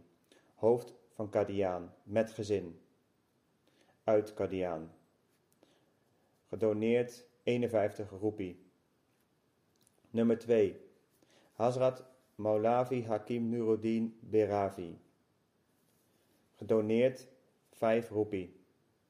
Nummer 3. Maulava Abdul Karim. Uit Sialkot. Gedoneerd 3 roepie. Nummer 4. Maulavi Burhanuddin. Uit Jilum. Gedoneerd een halve Anna. Nummer 5. Maulavi Mohammed Ashan. Uit Amroha, district Moradabad. Gedoneerd 3 roepie. Kon niet aanwezig zijn wegens beperkingen. Nummer 6. Hakim Fasluddin met twee families. Uit Bera. Gedoneerd 10 roepie. Nummer 7. Gawaja Kamaluddin B.A. Professor Islamia College uit Lahore. Gedoneerd 5 roepie. Nummer 8. Mufti Mohammed Sadiq Behravi. Klerk Algemeen Accountant uit Lahore. Gedoneerd 2 roepie. Nummer 9. Mirza Ayub Beg BA-student in Lahore met gezin uit Kalanau, gedoneerd 2 roepie. Nummer 10. Khalifa Rajbuddin, een rijsthandelaar uit Lahore, gedoneerd 4 en 12 annas. Nummer 11.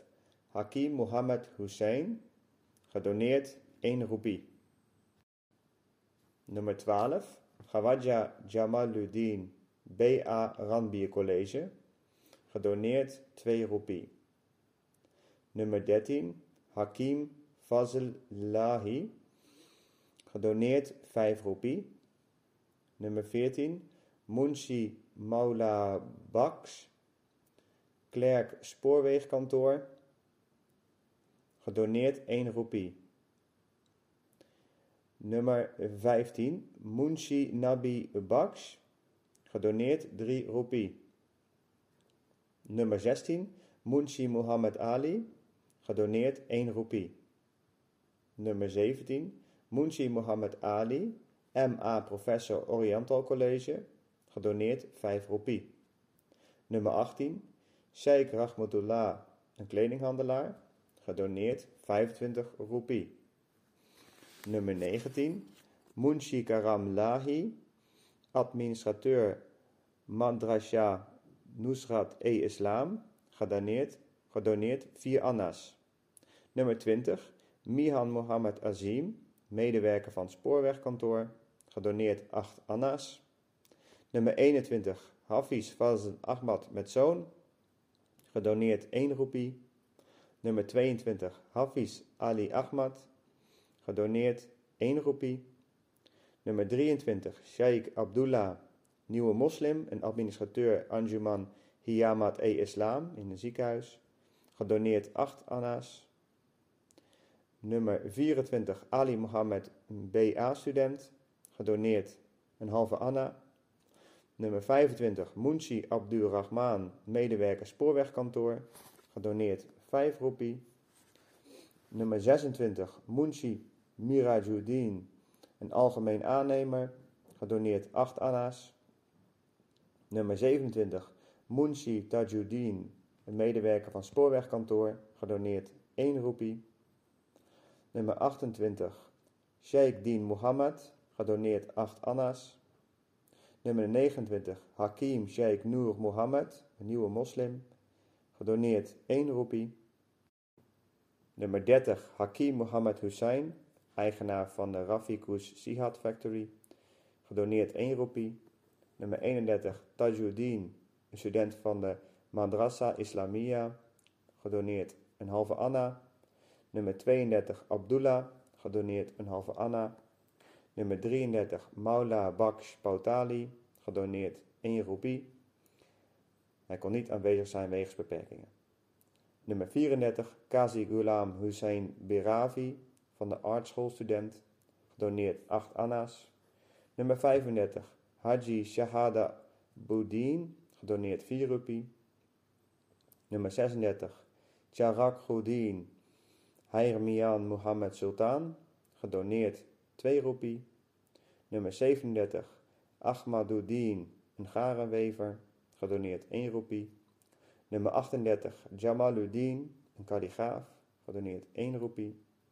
Nummer 39, Mohammed Azam, een kalligraaf, gedoneerd 8 annas.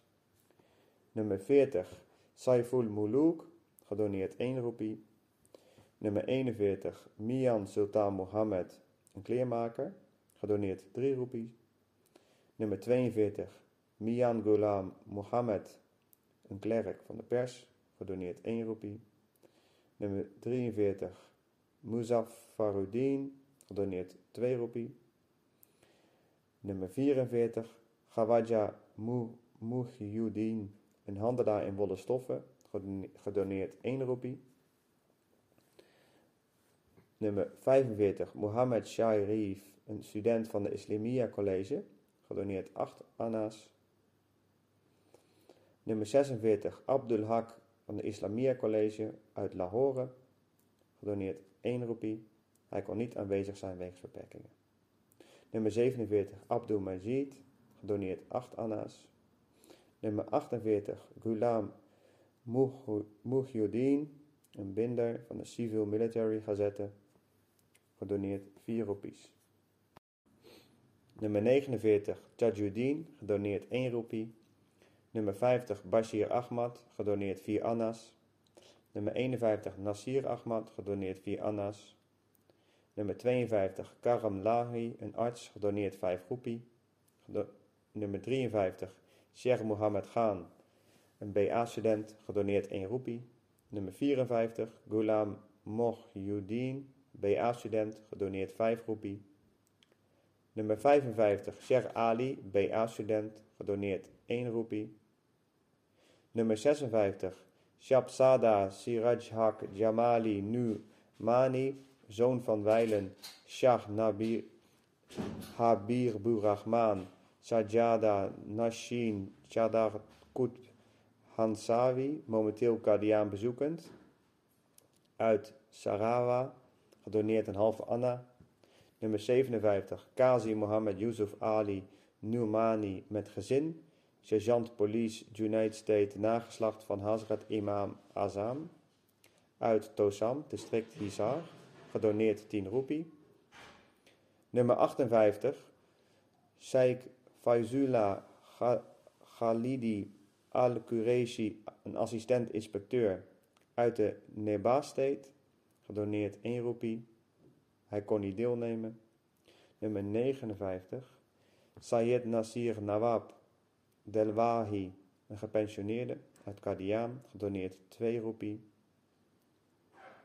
Nummer 60. Mir Mohammed Ismail, student van de Islamia College uit Lahore, gedoneerd 2 roepie. Nummer 61. Mohammed Ismail Sarawi, een student, gedoneerd een halve Anna. Nummer 62. Saik Abdurrahim, een nieuwe moslim, gedoneerd een halve Anna. Nummer 63, Saik Abdurrahman, een nieuwe moslim, gedoneerd een halve Anna. Nummer 64, Saik Abdul Aziz, een nieuwe moslim, gedoneerd een halve Anna. Nummer 65, Jar, een nieuwe moslim, gedoneerd een halve Anna. Nummer 66, Gula Boudin, een sjaalwever, gedoneerd een halve Anna. Nummer 67, Ismaël Beige, een persman, gedoneerd een halve Anna. Nummer 68, Imamuddin, gedoneerd een halve Anna. Nummer 69, Shabzada Iftikar Ahmad Kadian Dutwaini, gedoneerd een halve Anna. Nummer 70, Shabzada Mansour Mohammed, gedoneerd een halve Anna. Nummer 71, Shabzada Mazhar Kayoum, gedoneerd een halve Anna. Nummer 72, Maulavi Abdurrahman uit Gewal district Jeloum, gedoneerd een halve Anna. Nummer 73, Sayed Ghasilat Alisa, een adjunct-inspecteur uit Dinga district Guriat, gedoneerd een 9 roepie. Nummer 74, Sayed Amir Alisa, sergeant 1 uit Shialkot, gedoneerd 4 roepie. Nummer 75, Hakim Mohammedin, een hoofdkopist, gedoneerd 1 roepie. Nummer 76, Munshi Abdul Aziz, een kleermaker, gedoneerd 1 roepie. Nummer 77, Sheikh Fazl Karim, een parfumeur, gedoneerd 12 anna's. Nummer 78, Kulam Mohyuddin, een houthandelaar, gedoneerd een halve Anna. Nummer 79, Sheikh Hussein Baks, een kleermaker uit Kadiaan, gedoneerd een halve Anna. Nummer 80, Abdullah, gedoneerd een halve Anna. Nummer 81, Abdul Rahman, gedoneerd een halve Anna. Nummer 82, Hafiz Ahmudullah Khan, gedoneerd een halve Anna. Nummer 83, Karam Dat, gedoneerd een halve Anna. Nummer 84, Sayed Irsha Ali, student uit Sialkot, gedoneerd een halve Anna. Nummer 85, Maulavi Muhammad Abdullah Khan Wizarbadi, uit de college-instructeur. Uit het Patiala State, gedoneerd 1 en 8 Anna's. 1 roepie en 8 Anna's. Nummer 68, Hafiz Nur Mohammed, sergeant platoon nummer 4, gedoneerd 1 roepie. Nummer 87, Mohammed Yusuf, een houtsnijder, gedoneerd 1 roepie. Nummer 88, Hafiz Malik Mohammed, gedoneerd een halve Anna. Nummer 89, Abdul Hamid, een student, gedoneerd 4 Anna's. Nummer 90, Mohammed Akbar Khan, Saunari, gedoneerd een halve Anna. Nummer 91. Khalifa Nuruddin, een boekenverkoper uit Jammu State. Doneert 3 roepie. Nummer 92. Alladita. Doneert 2 roepie. Nummer 93. Maulavi Mohammed Sadiq, een leraar. Gedoneerd 2 roepie. Nummer 94. Mihanabi Baksh, een kledinghersteller. Uit Amritsar. Uit Amritsar. Gedoneerd 5 roepie. Nummer 95. Mohammed Ismail, een handelaar in wollen stoffen. Uit Amritsar. Gedoneerd 3 roepie. Nummer 96. Mihan Mohammeduddin, een schrijver. Uit Sialkot. Gedoneerd 1 roepie. Nummer 97. Mihan Lahi Baks. Muhalla Mashkian uit Guriat. Gedoneerd 1 roepie. Nummer 98. Mian Charagoudin. Een, een Aluia uit Amritsar. Gedoneerd 2 roepie. Nummer 99. Munshi Rura. Een gerechtstekenaar uit Karputhala State. Gedoneerd 2 roepie. Nummer 100. Munshi Zafar Ahmad, een schrijver. Gedoneerd 2 roepie. Nummer 101. Munshi Rustam Ali, een gevechtsinspecteur uit Gurdaspur. Gedoneerd 4 roepie. Nummer 102. Nawab Khan uit Jammu. Gedoneerd 1 roepie. Nummer 103. Mian Abdul Khalik, een kledinghersteller uit Amritsar. Gedoneerd 8 anna's. Nummer 104. Sheikh Abdul Haq, een aannemer uit Ludhiana. Gedoneerd 1 roepie. Nummer 105. Muhammad Hassan, een parfumeur. Gedoneerd 1 roepie. Nummer 106. Munshi Mohammed Ibrahim, een handelaar in grof linnen. Gedoneerd 1 roepie. Nummer 107. Mistri Haji Ismatullah, gedoneerd 1 roepie. Nummer 108. Kazi Gawaja Ali, een dienstverlener in paardenkoets, gedoneerd 5 roepie. Nummer 109. Maulavi Abdul Yusuf Mubarak Ali, een imam van de Majid Sadr uit Sialkot, gedoneerd 1 roepie. 110. Abdul Aziz Khan, een student, zoon van Abdul Rahman Khan, leraar van Sardar Ayub Khan, uit Rabalpindi, gedoneerd een halve anna.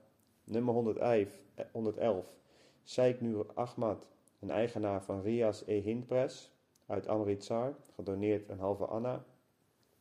Nummer 112. Sheikh Zahur Ahmad, een lithopaatmaker, gedoneerd een halve anna.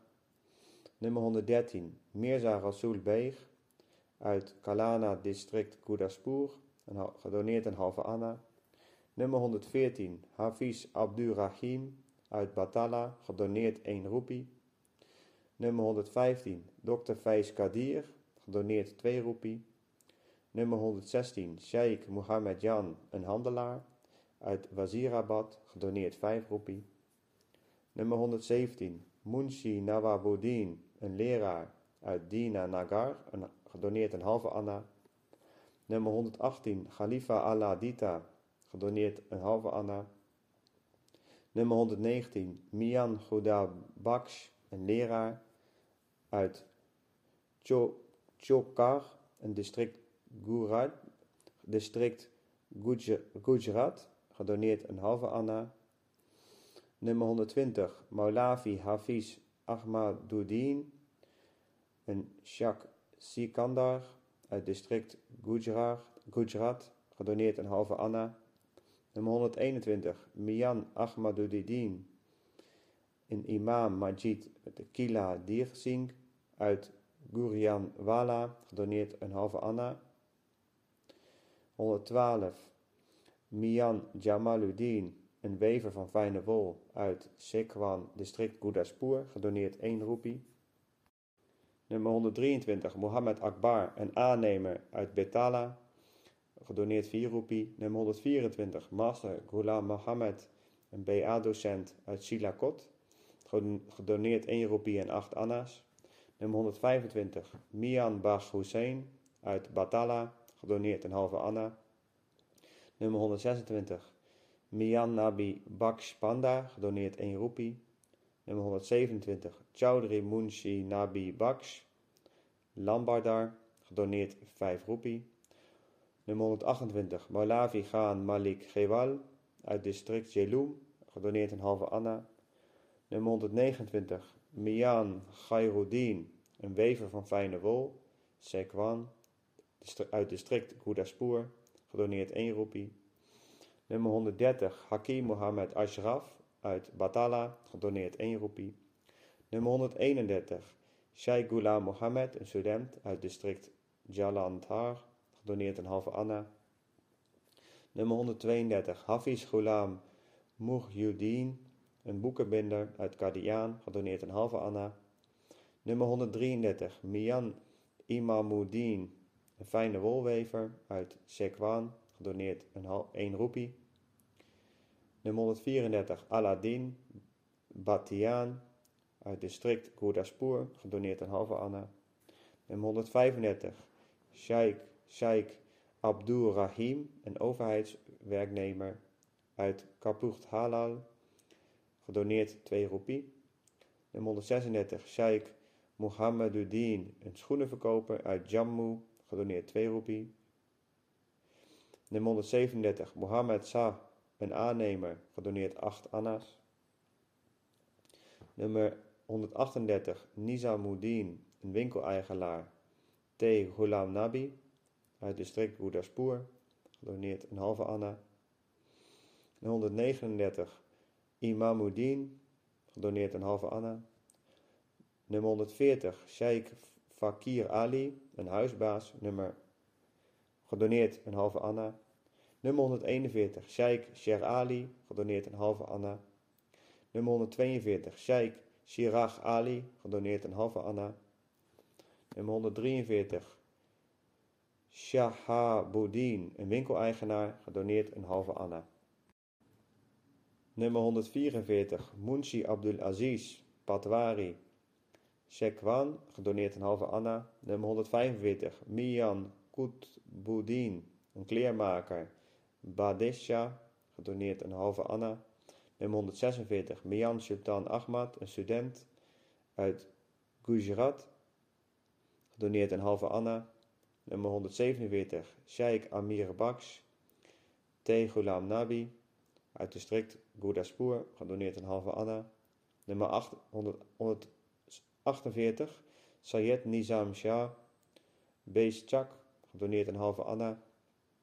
Nummer 149, Hafiz Mohammed Hussein, Dinga, uit district Gujarat, gedoneerd een halve anna. Nummer 150, Babul Gul Hassan, klerk spoorwegkantoor, uit Lahore, gedoneerd 1 roepie. Nummer 151, Hafiz Nur Mohammed, Faizullah Chak, uit district Gurdaspur, gedoneerd een halve anna. Nummer 152, Hassan Khan, een medewerker van de staatsartillerie, uit Kapurt Halal, gedoneerd een halve anna. Nummer 153, Mirza Jahandar Baig Piruwal uit district Gurdaspur, gedoneerd een halve anna. Nummer 154, Mohammed Hussein, een student, Made, uit district Amritsar, gedoneerd een halve anna. 155, Mian Mohammed Amir, Koent, uit subdistrict Goedsaap, gedoneerd een halve anna. 156, Ghulam Mohammed, student, uit Amritsar, gedoneerd een halve anna. 157, Mohammed Ismail, Ter Ghulam Nabi, uit district Gurdaspur, gedoneerd een halve anna. Nummer 158, Sheikh Qutbuddin Kotla Fakir, uit district Jelum, gedoneerd 1 roepie. Nummer 159, Mian Ghulam Hussein, een bakker in het huis van de beloofde Messias, uit Kadiaan, gedoneerd 8 anna's. Nummer 160, Mian Maula Baks, een ledenhandelaar, Dinga, uit district Gujarat, gedoneerd 3 roepie. Nummer 161, Kazi Mohammed Yusuf, Kazi Kot, uit district Gujranwala, gedoneerd 1 roepie. Nummer 162, Abdullah, een reishandelaar uit Lahore, gedoneerd een halve anna. Nummer 163, Maulavi Hafiz Karmuddin, Porhanwala, uit district Gujarat, gedoneerd 1 roepie. Nummer 164, Hafiz Ahmaduddin, kleermaker uit Dinga, gedoneerd 8 anna's. Nummer, 106, nummer 165, Ibadat Ali Shah, een handelaar in Katoen uit, de, uit district Gurdaspur, gedoneerd een halve anna. Nummer 166, Mohammed Khan, Lambardar Jassarwal uit district Amritsar, gedoneerd 3 roepie. Nummer 167, Mian Mudin Kalosae uit district Gujarat, gedoneerd een halve anna. Nummer 168, Mian Karomudin Dinga, gedoneerd 1 roepie. Nummer 169, Sheikh Ahmaduddin, gedoneerd een halve anna. Nummer 170, Mian Ahmaduddin, gedoneerd een halve anna.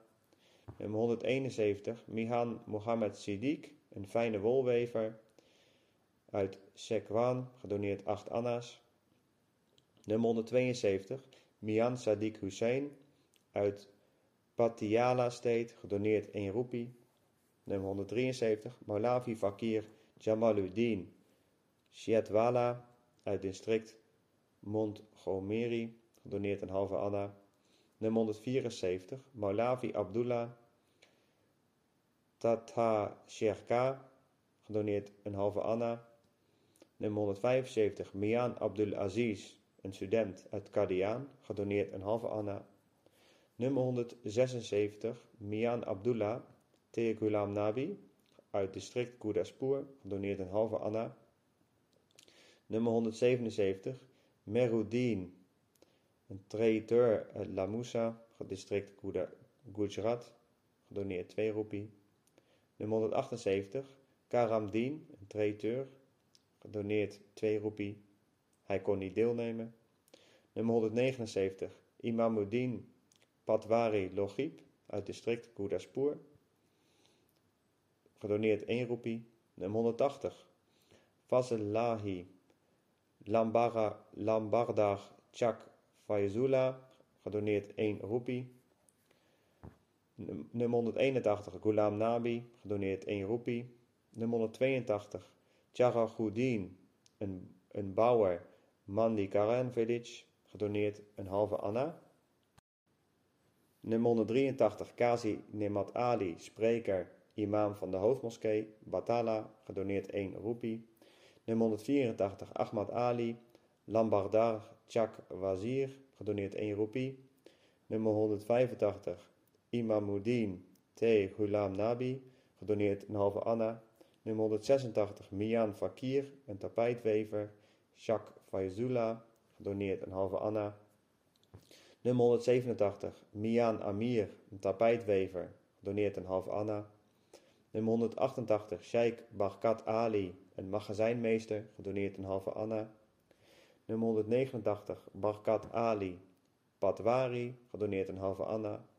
Nummer 190, Mian Imamuddin, gedoneerd een halve anna. Nummer 191, Sayed Amir Hussein, Chak Bazet uit district Gurdaspur, gedoneerd een halve anna. Nummer 192, Sheikh Feruzuddin, gedoneerd een halve anna. Nummer 193, Sheikh Sher Ali, gedoneerd een halve anna. Nummer 194, Sheikh Atta Mohammed, gedoneerd een halve anna. Nummer 195, Sayed Mohammed Shafi, gedoneerd een halve anna. Nummer 196, Umar, een wachter, gedoneerd een halve anna.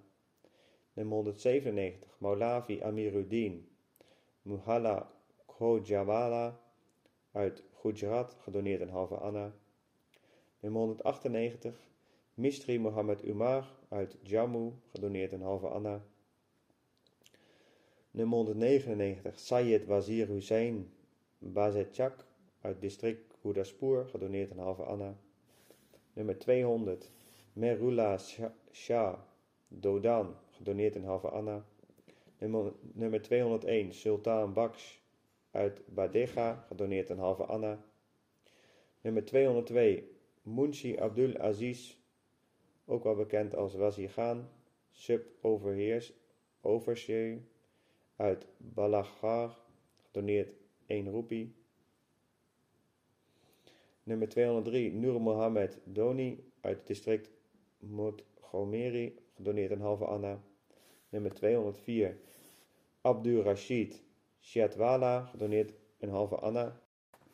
Nummer 205, Maulavi Ahmaduddin Imam Majid van Namdar uit district Lahore, gedoneerd een halve anna. Nummer 206, Hafiz Mohinuddin uit Qadian, gedoneerd een halve anna. Nummer 207, Abdul Majid uit Kapurt Halal, gedoneerd een halve anna. Nummer 208, Mohammed Khan, gedoneerd 2 roepie. Hij kon niet aanwezig zijn wegens beperkingen. Nummer 209, Maulavi Mohammed Hussein, Rayen, gedoneerd 2 roepie. Nummer 210, Nizamuddin, gedoneerd een halve anna. Nummer 211, Faiz Mohammed, een timmerman uit Sialkot, gedoneerd een halve anna. Nummer 212, Sayed, Gora, Sayed Gorar Sa, een Vero Chishi uit district Gurdaspur, gedoneerd een halve anna. Nummer 213, Hakim Din Mohammed, een student uit Qadian, gedoneerd een halve anna. Nummer 214, Sheikh Fazlahi, een postman, gedoneerd 2 anna's. Nummer 215, Sultan Mohammed Bukrala uit district Jelum, gedoneerd een halve anna. Nummer 216, Aladia Kambo uit district Amritsar, gedoneerd een halve anna. Nummer 217, Sayed Alim Shah, Said Malu Village uit district Jelum, gedoneerd een halve anna. Nummer 218, Mistri Has, Hassanuddin uit Shialkot, gedoneerd een halve anna. Nummer 219, Miran Baksh, bengelmaker uit Batala, gedoneerd een halve anna. Nummer 220, Mer Sanwan, Shekwan, uit district Gurdaspur, gedoneerd 1 roepie. Nummer 221, Hakim Jamaluddin, een handelaar uit Qadian, gedoneerd 1 roepie. Nummer 222, Mohammed Ismail, een student, gedoneerd een halve anna. Nummer 223, Mohammed Ishaq, gedoneerd een halve anna. Nummer 224, Abdullah Khan, Haryana uit district Hoshiarpur, gedoneerd 2 roepie. Nummer 225, Karim Baksh Mistri Belshak uit district Gurdaspur, gedoneerd een halve anna. Nummer 226, Mirza Bouta Beig uit Qadian, gedoneerd een halve anna. Nummer 227, Mirza Ahmad Beig, gedoneerd een halve anna. Nummer 228, Mohammed Hayat uit Batala, gedoneerd een halve anna. Nummer 229, Noor Mohammed, medewerker Dr. Faiz Kadir, gedoneerd een halve anna. Nummer 230, Sheikh Ghulam Mohammed, een handelaar uit Amritsar, gedoneerd een halve anna. Nummer 231, Barkat Ali, Niga Band, uit Batala, gedoneerd een halve anna. Nummer 232, Ghulam Hussein, Ghulam Hussein, Kakazee, gedoneerd een halve anna. Nummer 233, Rahim Baksh, Sahangar uit Jhelum, gedoneerd een halve anna. Nummer 234, Sheikh Ghulam Ahmad, Imam Majid Barial uit district Sialkot, gedoneerd een halve anna. Nummer 235, Sheikh Ismail, Imam Majid Barial, gedoneerd een halve anna. Nummer 236, Sheikh Karim Baksh, Kaneshak uit Jammu Stad, gedoneerd een halve anna. Nummer 237, Sheikh Charahuddin. Nummer 237, Sheikh Charahuddin, gedoneerd een halve anna. Nummer 238, Mian Kanuteli, Tatla uit district Gurdaspur, gedoneerd een halve anna. Nummer 239, Sheikh Maula Baksh, een schoenenverkoper uit Sialkot, gedoneerd 1 anna. Nummer 240, Mirza Nizamuddin uit Qadian, gedoneerd een halve anna. Nummer 241, Sayed Abdul Aziz uit Ambala, gedoneerd een halve anna. Nummer 242, Maulavi Fasluddin Ghairian uit district Gujarat, gedoneerd 5 roepie. Hij kon niet aanwezig zijn wegens beperkingen. Nummer 243, Maul Maulavi Fasludin Goedshap uit district Shapsur, Shapur, doneert 10 roepie. Nummer 244 Hafiz Rahmatullah uit Kiranspur uit district Dehradun, gedoneerd 2 roepie. Nummer 245 Nuruddin, een constructeur Bars Mastri uit Jhelum, gedoneerd 2 roepie. Nummer 246 Mian Abdullah Patwari Sanori uit Patiala State, doneert 1 roepie. Nummer 247 Mian Abdul Aziz, Clerk Water Office Human West uit Delhi, gedoneerd 3 roepie. Nummer 248 Dr. Bouré Gaan, een assistent chirurg uit Kasur, doneert 20 roepie. Nummer 249 Maulavi Mohammed Hussein, Madrasa Islam, Islamia uit Rawal, Rawalpindi, gedoneerd 1 roepie. Nummer 250 Maulavi Ghadim Hussein, Islamia School uit Rawalpindi, gedoneerd 1 roepie. Hij kon niet deelnemen. Nummer 251 Bab, Babu Aladdin, virusverlichtingsafdeling, gedoneerd 1 roepie. Nummer 252 Sayed Inayat Ali Shah uit Louisiana, gedoneerd 2 roepie en 5 anna's. Nummer 253 Munshi Ghulam Haider, een adjunct inspecteur politie uit Narowal, gedoneerd 10 roepie. Nummer 254 Malavi Limudin, gedoneerd 2 roepie. Nummer 255 Munshi Miram Ali, een klerk sergeant politie, gedoneerd 2 roepie. Nummer 256 Babu Shadin, een stationmeester Dena uit district Jelum, gedoneerd 4 roepie. Nummer 257 Munshi Aladita uit Sialkot, gedoneerd 21 roepie. Hij kon niet deelnemen. Nummer 258 Munshi Fateh Mohammed Bouzdar, een postmeester Lia uit district Dera Ismail Khan, gedoneerd 1 roepie. Nummer 259 Sheikh Ghulam Nabi, een magazijnmeester uit Rawalpindi, gedoneerd 10 roepie. Nummer 260 Munshi Musafar Ali, broer van Maulavi Mohammed Ashan Amrori uit Dehradun, gedoneerd 1 roepie. Nummer 261 Mian Ahmad Hussein, een medewerker Mian Mohammed Hanif Handelaar, gedoneerd 1 roepie. Nummer 262 Maulavi Mohammed Yaqub, gedoneerd 1 roepie. Nummer 263 Munshi Ali Gohar Khan, een vestigingspostmeester uit Jalandhar, gedoneerd 1 roepie. Nummer 264 Munshi Mohammed Ismail, een constructeur van Kalka Railway uit Anbala Cantonment, gedoneerd 5 roepie. Nummer 265 Maulavi Ghulam Mustafa, eigenaar van Shula El Tour Press uit Batala, gedoneerd 1 roepie. Nummer 266 Babu Mohammed Afzal, een spoorwegenmedewerker, Bombasa uit Afrika, gedoneerd 1 roepie. Nummer 267 Chowdhury Mohammed Sultan, zoon van Mulavi Abdul Karim uit Sialkot, gedoneerd 2 roepie. Nummer 268 Sayed Hamid Shah, een waarnemend hoofdinspecteur adjunct commissaris, gedoneerd 2 roepie. Nummer 269 Sayed Hakim Hasumadin, gedoneerd 1 roepie. Nummer 270 Fasludin, een juwelier, gedoneerd 1 roepie. Nummer 271 Hakim Ahmaduddin, gedoneerd 5 roepie. Nummer 272 Sheikh Nur Mohammed, een mutsmaker, gedoneerd 1 roepie.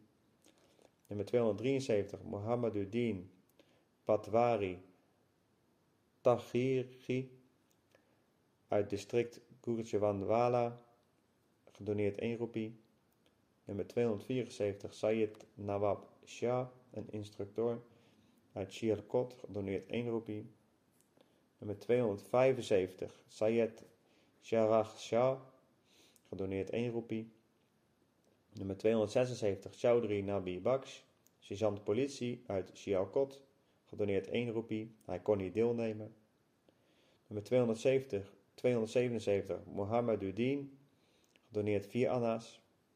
Nummer 278 Mohammed Udin, een boekbinder, gedoneerd 8 anna's. Nummer 279 Allah Baks, gedoneerd 4 anna's.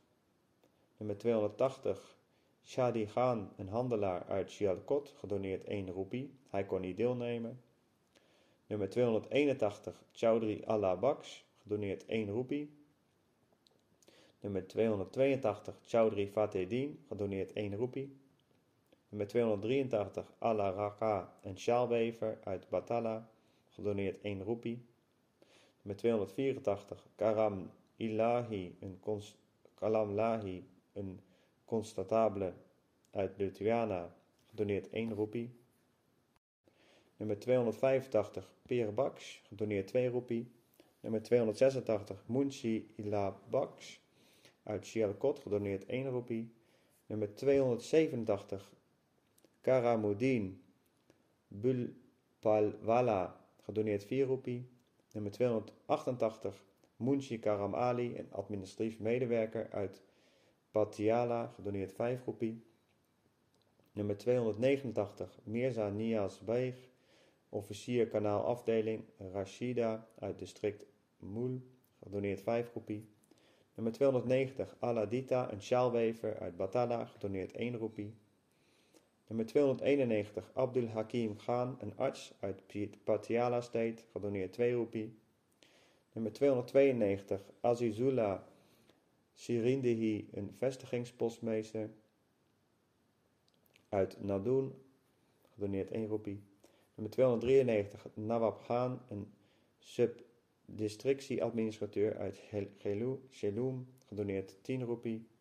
Nummer 294 Abdus Samad, een medewerker van Nawab Khan boven vermeld, uit Geloum, gedoneerd 1 roepie. Nummer 295 Maulavi Nur Mohammed, een vertrouwenspersoon van Nawab Khan eerder vermeld, uit district Lahore, gedoneerd 1 roepie. Nummer 296 Sayyid Mahdi Hassan, een waterstroomrecorder, Lola Post, gedoneerd 3 anna's. Nummer 279 Maulavi Sheikh Mohammed, Hizan, uit district Shahpur, gedoneerd 8 anna's. Nummer 298 Babu Nawabuddin, een schoolhoofd, Dina Ghana, uit district Gurdaspur, gedoneerd 2 anna's. Nummer 299 moeder van Khairuddin Shekwan, gedoneerd 4 anna's. Nummer 300 Rahim Baks, Klerkstal, uit Sangroor, gedoneerd 5 anna's, hij kon niet deelnemen. Nummer 301 Karim Mohammed, een imam Majid uit Jeloum, gedoneerd 2 roepies. Nummer 302 Shahfuddin Godla Fakir uit district Jeloum, gedoneerd 1 roepie. Afwezig was hij. Nummer 303 Ilmuddin, gedoneerd 1 roepie. Nummer 304 Maulavi Mohammed Yusuf, Saunar uit Patiala, gedoneerd 1 roepie en 13 anna's en 1 paisa. Nummer 305 Ahmad Baksh, gedoneerd 1 roepie en 13 anna's en 1 paisa. Nummer 306 Mohammed Ibrahim, gedoneerd 1 roepie, 13 anna's en 1 paisa. Nummer 307 Imam Muddin Patwari uit Logib Area, gedoneerd 1 roepie. Nummer 308 Ghulam Nabi, ook wel bekend als Nabi Baks. Faizullah Shak uit district Gurdaspur, gedoneerd 1 roepie. Nummer 309 Munshi Ahmad, klerk, Government Pen uit Patiala, gedoneerd 1 roepie. Nummer 310 Malavi Mahmoud Hassan Khan, een instructeur, gedoneerd 4 anna's. Nummer 311 Sheikh Mohammed Hussein, Mordabadi, gedoneerd 1 roepie. Nummer 312 Mistri Ahmad Dudin, uit Bera, gedoneerd 4 roepie. Nummer 313 Mistri Islam Ahmad, gedoneerd 2 roepie. Nummer 314 Mian Fazia Ali, Mian Fazai, Fazaz Ali uit Gupart Halal, gedoneerd 2 roepie. Nummer 315, Mian Shahibdin uit Garian. Niet uit Garian, is Garian. Uit district Gujarat, gedoneerd 2 roepie. Nummer 316, Mian Alebdin, een kapper uit Bera, gedoneerd 4 anna's. Nummer 317, Babu Karam Lahi, een adjunct hoofdinspecteur psychiatrisch ziekenhuis door Sheikh Rahmatullah uit Lahore, gedoneerd 5 roepies. Nummer 318, Babu Ghulam Ahmad uit Louisiana, gedoneerd 4 roepies. Rest van de namen van de aanwezigen op de jubileumbijeenkomst. 1. Abdurrahman, een nieuwe moslim, Jalandari. 2. Sayed Ishra, Ishrat Ali, zoon van Sayed Ghasilat Ali Shah, Dinga. Nummer 3. Aladita, zoon van Nur Muhammad Kambo. Nummer 4. Abdullah, zoon van Khalifa Rayabdin, Lahore. Nummer 5. Ghulam Mohammed, student Dera Baba Nanak. Nummer 6. Roshandin, Bera. Nummer 7. Allah Withaya, Pindi Baitan. Nummer 8. Sheikh Ahmad Ali, Shak Bazet. Nummer 9. Noor Mohammed, Doni. Nummer 10. Abdul Rashid, Shiatwala. Nummer 11. Kulam Kardir, Kadian. Nummer 12. Sheikh Amir, Ten Ghulam Nabi.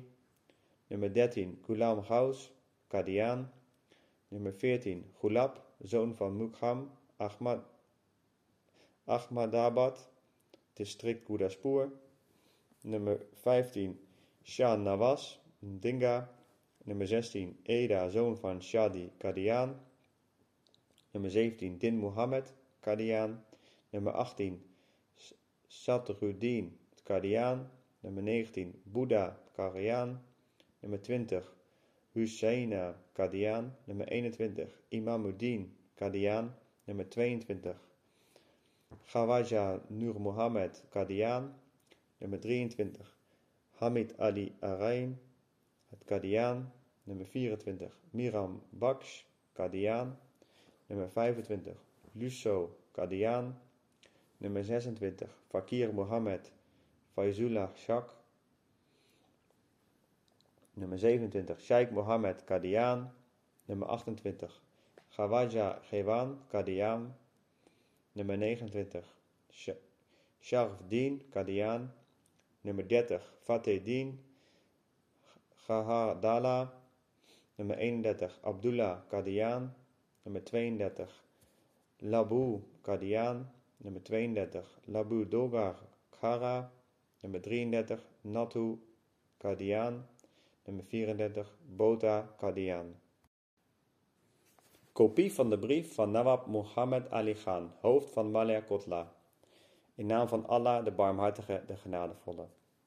Gerespecteerde en geëerde geestelijke geneesheer, Messias voor de wereld, mogen Allah de Almachtige uw beschermer zijn. Mogen vrede met u zijn. In overeenstemming met uw inspectie dien ik een volledige beschrijving in van de jubileumvieringen.